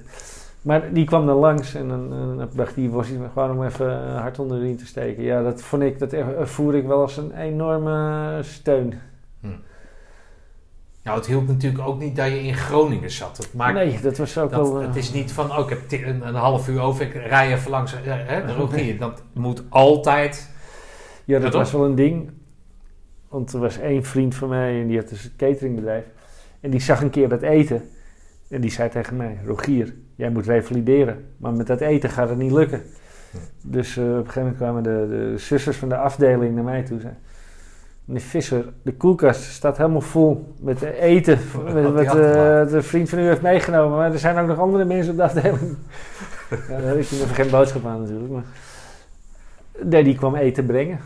Ja, die, vriendschappen die, eh, die, zijn ook wel goud gebleken. Ik ben best wel een sociale gast geweest. Ik had heel veel vrienden. En ja, dat, uh, poeh, dat, uh, die, dat heeft me ook wel geholpen hoor. Ja, oké, dus die vriendschap die blijft overeind. Als er, hè, dus de, ja, wat mensen vaak zeggen, ja, mijn vrienden die hoef je maar te bellen of ze hoeven mij maar te bellen, maar dat, en ik sta klaar of ik rij naar Spanje als hij een lekker band heeft of whatever. Dat, is, dat heb jij aan de lijf ondervonden, dat die vriendschap er is. Vriendschap is geen illusie. Nou, ik deed al twintig jaar vrijwilligerswerk met gehandicapten in de sneeuw. Dat is wel ironie van het leven als je bedenkt dat ik, notabene ik, invalide word. Maar daar ging al- altijd een jongen mee, die had ook een hersenbloeding gehad. Die had, het die had die hersenbloeding gehad tijdens zijn promoveren aan de universiteit. En hij zat bij het korps, maar die had daar niemand meer aan overgehouden. Er was geen één, In Roosendaal. nee, eh, geen één mens. Ja, maar korps wel korps. Het korps, het kor- korps studentenkorps. Oh, zo. Ja, ook zo. Ja, En ja. Hij, hij was ook zijn hele, zijn hele studie kwijt. Maar die had daar geen, geen één vriend aan overgehouden. Dat vond ik altijd wel schokkend om te horen. Nee, dat eh, kan ik niet zeggen. Ik denk, nee, het, het vriendschap ja, is wel uitgediend in mijn geval. Ja, dat mag, dat mag ik echt wel als een zegen, eh, zegen zien. Dat, eh, Nou ja, je hebt het mensen die eh, eh, door de stad lopen en continu mensen groeten, weet ik wat. En dan ben ik altijd zo benieuwd van als het dan heel slecht gaat, of dat groeten dan ook daadwerkelijk tot actie komt. Hey, we gaan eens even bij die pik langs, want die heeft het slecht. ja, ik Daarom vind ik het altijd fijn om te horen dat zo'n vriendschap, zo'n, zo'n, zo'n, en die komt uit een rijk sociaal leven, dat dat dan ook ja, in dat, moeilijke tijden. ja, dat heeft echt wel Eh, gewerkt en zijn ja. dienst bewezen inderdaad. Ja. Oké, hoe sta je er nu bij, eh, de, mentaal gezien? Eh, nou, eh, ik heb weer perspectief op een baan. En dat brengt, enorm veel energie met zich mee. Gewoon het perspectief, ik heb hem nog niet. Maar het perspectief van een baan, daar, ja, daar ben ik wel echt... Ja, want je hebt de afgelopen negen jaar heb je thuis gezeten. Ja, ik heb een invaliditeitsuitkering. Ja. Eh, die invaliditeitsuitkering heb je natuurlijk omdat je niks kon doen. Maar je hebt altijd de streven gehad om een baan Ja, te hebben, Dus te dat, krijgen eh, of wat dan ook. ik vind die uitkering een beetje ongemakkelijk eigenlijk. Eh, Dat zal wel met mijn arbeidsethos te maken hebben, maar ik wil gewoon werken voor mijn geld, net als ieder mens. Dat zit heel diep. Kijk, nu kan het niet anders, anders had ik op straat gelegen en had ik niet, eh, geen dak boven mijn hoofd gehad. Dus eh, het is goed dat dat in Nederland nog zo werkt. Daar ben ik hartstikke blij mee. Maar ik wil uiteindelijk gewoon, eh, ja, net zoals ieder mens, gewoon werken voor mijn geld. Dat- Maar wat heb je dan, schets mij dat het proces is waar je, en dan de eerste drie jaar zeg maar niet meegerekend, maar, maar wat heb je daar, wa- waar loop je dan tegenaan om die baan te krijgen? Of, Nou, ik heb daar natuurlijk eh, in het begin zonder eh, hulp veel over nagedacht. Maar dan begint het dus, bij spreken, bij het schrijven van een motivatiebrief of, een, of je cv. Waar in die motivatiebrief, en niet alleen waar of cv, en hoe verwerk je die invaliditeit? Kijk, je zou natuurlijk kunnen zeggen, in theorie moet het niet uitmaken, maar dat is theoretisch gelul. Ja. Als jij aankomt op een sollicitatiegesprek en je, degene die jouw eh, sollicitatie aanneemt, die krijgt grote ogen omdat je in een rolstoel aankomt. En je, ten eerste moet je er kunnen komen. En ten tweede, eh, dan heb je iets, ben je niet helemaal eerlijk geweest. Want je hebt niet alles verteld. Nee. Dus, dat, ja, dus ik was wel, eh, de, voor mij was wel duidelijk. Hè, die invaliditeit die moet ergens. Hè, maar moet die in een cv, in een motivatie. Hoe ga ik die verwerken in dat proces van het vinden van een baan? Dat was het eerste waar ik tegenaan liep. hoe doe je dat dan? Hoe heb je dat gedaan? Nou, ik heb, toen ik me weer sterk genoeg vond, heb ik eh, het UWV betaald mijn uitkering. Heb ik het UWV opgebeld en gezegd: luister, ik denk dat ik weer sterk genoeg ben om, eh, om te werken. Hoe lang is dat geleden? Dat was vlak voor corona. Dus Corona is nu net afgelopen en Ja. het was net, we waren net begonnen met het proces. En het heeft even stilgelegen gedurende corona. En, eh, ja, nu heb ik, en dan krijg je een, eh, een jobcoach van het UWV. En, eh, en die heeft in mijn geval goed geholpen met hoe ik dat, die invaliditeit in het cv verwerk. Daar is het uiteindelijk terechtgekomen. Hoe, hoe, hoe doe je dat dan? Want daar ben ik wel benieuwd naar. Een, Een foto erbij zetten of zo? Of, of, Ja, tegenwoordig zit op cv zit een foto. Oké. Dat was in mijn tijd. in ieder geval. Eh, ja, dit is eigenlijk een, eh, een verhaaltje met eh, iemand die positief in het leven staat, maar de pech heeft gehad, eh, een hersenbloeding, bla bla. En zo, zo is, zit het erin. Zo zit het, is het er eigenlijk netjes verwoord in terecht. Ja, ja, oké. Maar ze kunnen na het lezen of tijdens het lezen weten ze wel dat ze met een gehandicapt persoon te maken hebben. Ja, als je mijn cv zou zien, zou je niet denken van dit is een gehandicapte. Nee, maar dan wordt het juist is precairder om het op een, op een, ja, het moet, op een ja, ja, als je ziet... marketingtechnisch. Handige manier, weet ik wat, eh, te verwoorden. Ja, plus nog eens, het moet natuurlijk uiteindelijk een bedrijf zijn die... eh, toegankelijkheid is een ding. Als je alleen maar trap hebt om binnen te komen, dan eh, houdt het al... Ja, vast je bent commando toch? Nou, kom maar naar boven. Ja. Ja. Ja. Ik kom wel boven hoor, dus bang, maar die stoel die blijft beneden. Ja. ja. Oké, en naar, naar wat voor een baan ben je dan op zoek of maakt dat geen zak uit? Eh, nee, Eh, ik zou eh, voor mijn part de hele dag slagboom open willen doen ergens. Maar daar ga ik niet, natuurlijk niet gelukkig worden. Nee, oké, maar... Ja, ik heb bijna tien jaar van mijn leven bij Defensie gewerkt. Dus ik heb veel kennis van Defensie. Dus ja, primair gaat mijn aandacht uit naar de functie bij Defensie. En daar heb je ook op gesolliciteerd? Ja, daar ben ik nu, nu mee bezig. inderdaad. Nee, oké, maar je hebt ook dingen afgewezen gekregen. Of je bent ook een paar keer afgewezen dan, of niet? Of is dit de eerste keer dat je het daadwerkelijk... Eh, dit is de eerste keer dat ik ergens aan tafel heb gezeten. En dat is meer op netwerk, netwerk gegaan. eh. Ja, ja oké, maar ik bedoel te zeggen, heb, ben je al meerdere keren op je brief, bijvoorbeeld op je invali- invaliditeit, ben je afgewezen? Nee, nee, zo direct. Nee? Dat zou niet, nee. Nee, zoveel brieven heb ik niet geschreven. Ik kan alleen eh, de brieven die ik met mijn vriendin schrijf. Zij Ja. wordt altijd uitgenodigd. Dus ik, brief schrijven, dat gaat nog wel redelijk af. Oké. Nee, het gaat niet over de Maar, het, maar over maar het, het is, ja, nee. Het is ook natuurlijk van, eh, wat voor baan kan ik nog? Want eh, ik, wil, ik kan prima lullen nog, maar eh, ik heb wel hersenletsel door die hersenbloeding. Dus het gaat allemaal niet meer zo snel en zo scherp als dat het was. Dus ik ja, vind wat, dat reuze meevallen hoor. ja, ja, ik ben wel moe na dit gesprek. Ja, nee, natuurlijk. Ja, nee, natuurlijk. Ja, of misschien dat je alleen bij podcastopnames dat je aan het pieken bent. Dat zou, nee, maar ik vind het. Ik vind je alert.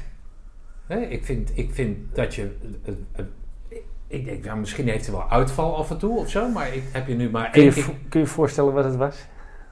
Het was Ja, echt... ongelooflijk. Het zou voorkomen. ja, dat was echt goed, Gespierd in elke vezel. Ja, ja, ja. goed voorbij het KCT Ja. gaan, scherp en spot on. Nee, het, nou ja, als, als Dat dit was- dan het eindresultaat, eindresultaat maar dan, dan ik had een goede start. kan, kan ik me voorstellen, ja. Ik had een hele goede... Ja, ik, ik was ook altijd heel erg tevreden met mijn leven en met mijn plek in de wereld. ja. Maar ja, dat is niet genoeg gebleken Nee. om uh, ongeschonden doorheen te komen. Nee, oké.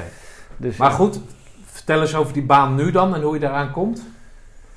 Dus dat UWV, Eh. je vriendin helpt je ermee, maar hoe kom je, wat, ga je, wat, wat, wat Nou, denk je te, te kunnen gaan doen? Wat, mijn wat- meeste kennis eh, eh, bet- betreft dus Defensie. Ja. Dus ja, dan ligt een baan bij Defensie voor de hand.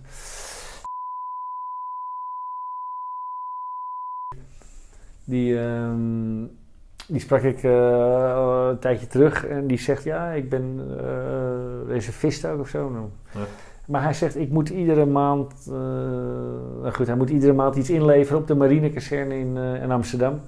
Hij zegt: Ja, ik hoop niet dat je het me kwalijk neemt, maar ik heb een mailtje gestuurd en gezegd: van ja, lichtinggenootje, eh, mijn situatie daar eigenlijk op de stoep gegooid.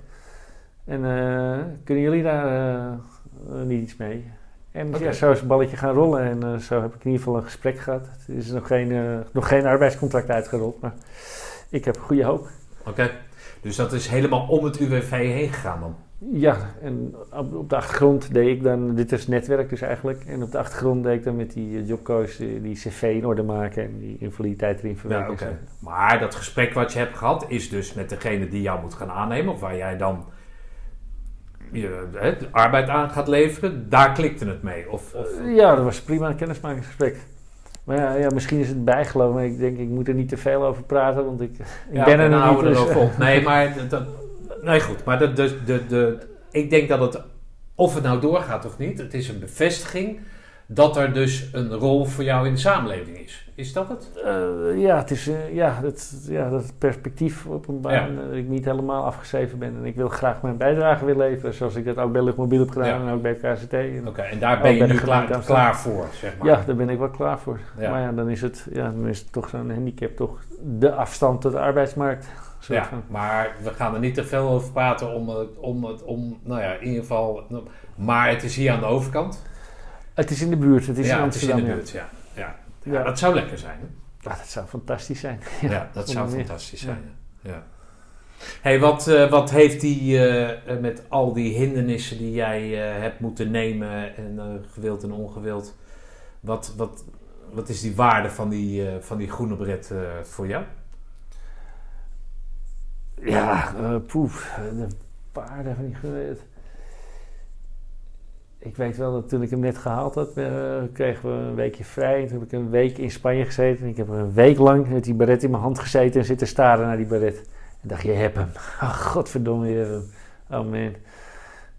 Ja. Maar ja. in die struggle die jij de afgelopen jaar hebt meegemaakt. Ja, ik denk, ik denk, eh, ik heb echt nog wel eens momenten gehad dat ik dacht van ja, dan je hebt die groene bret gehaald, dus je kan gewoon alles. Hm. Dat is dan weer natuurlijk een Ja. beetje overdreven, maar Nou ja, het, is, het is een soort, als ik, het, eh, als ik het nu even bij spreken niet meer zou zien zitten, is het wel een soort van eh, motivator. Dat je, ja luister, je hebt die groene bret toch ook gehaald, dan kan je dit ook wel. ja. Ga door. Maar aan de andere kant vind ik hetgeen wat jij hebt meegemaakt, is zwaarder dan die hele groene beret bij elkaar. De drie groene beretten bij elkaar, toch? ik zou serieus die invaliditeit, dat zou ik echt niemand wensen. Nee, daarom. Dat is echt, nee, dat is... Nee. eh, dus na die groene over een paar jaar, dan zeg jij niet meer, je hebt niet zeiken, want je hebt die groene bret gehaald, maar joh, je hebt die invaliditeit tot je genomen, overwonnen en er het beste van gemaakt. Ja, het beste van gemaakt. Dat, eh, dat is wel, ja. Ja. Ja, ja, de doorzetting, ja, dat... Ik heb nog eens gedacht van, ja, je, hoe deed je dat in die ECO? Dan was het toch ook gewoon doorgaan? Zag je het ook, eh, zag je het ook niet meer zitten? eh, Toch doorgaan, ja. Nou, dat stukje moet je vasthouden. Dat heb ik wel eens tegen mezelf gezegd, ja. Waar zie jij over, eh, weet ik veel, vijf jaar of zo? Nou, in ieder geval weer terug in het arbeidsproces. En dan, ja, belastbaarheid is natuurlijk een ding. Ik bedoel, 40 uur, ga ik dat, nog- ga ik dat nog halen? Nou, het te betwijfelen. Wil het wel natuurlijk, maar ah, over vijf jaar eh, ben ik eh, ingewerkt en dan weet ik ook goed wat mijn belastbaarheid is en waar mijn valkuilen liggen. En hoe ik eh, het beste weer uit mezelf kan halen ook arbeid. En dan verdien ik gewoon mijn eigen geld. Hm. Ja. ja.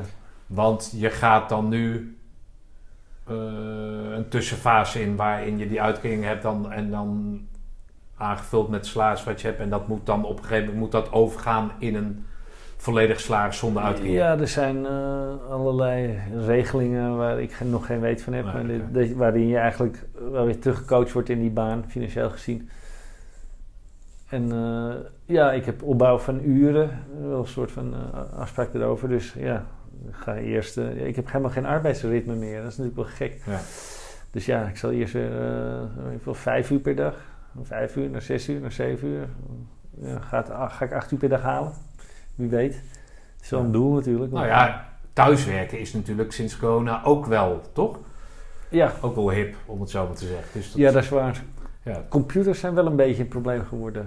ICT. de- ik, ik, als een site niet loopt van iets, wat, eh, dan merk ik dat meteen. Want ik loop vrijwel meteen vast. En dan kan ik, Bij jouzelf of de computer bedoel je? Eh, nee, als een, als een eh, site heel onhandig in elkaar zit, wanneer Ja, dat merk ik meteen. ja, ja oké.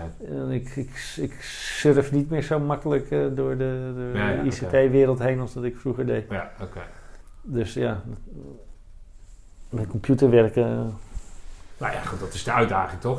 eh, ja. Ja, eh, je- we- zien hoe je er nu bij zit. Dus dat heb je ook overwonnen. Dus wil- computertje, dat moet ook lukken, toch? Ja, dat gaat uiteindelijk ook wel lukken. Ja. Zijn er dingen die ik eh, nog niet aan je gevraagd heb en die je wel eh, kwijt zou willen? Nee, nee. Prima gesprek eh, Steven. Oké. Nou, dankjewel, Rogier. En ik ga, ik ga voor je bidden. Ondanks dat ik niet, eh, maar ik, ik ga er echt, mee voor je. Nou, dankjewel. Ja, mooi man. Rogier, dank voor de heerlijke koffie, je levensvreugde en jouw voor ons relativerende verhaal. Het ga je goed. Noem koud, noem kwam.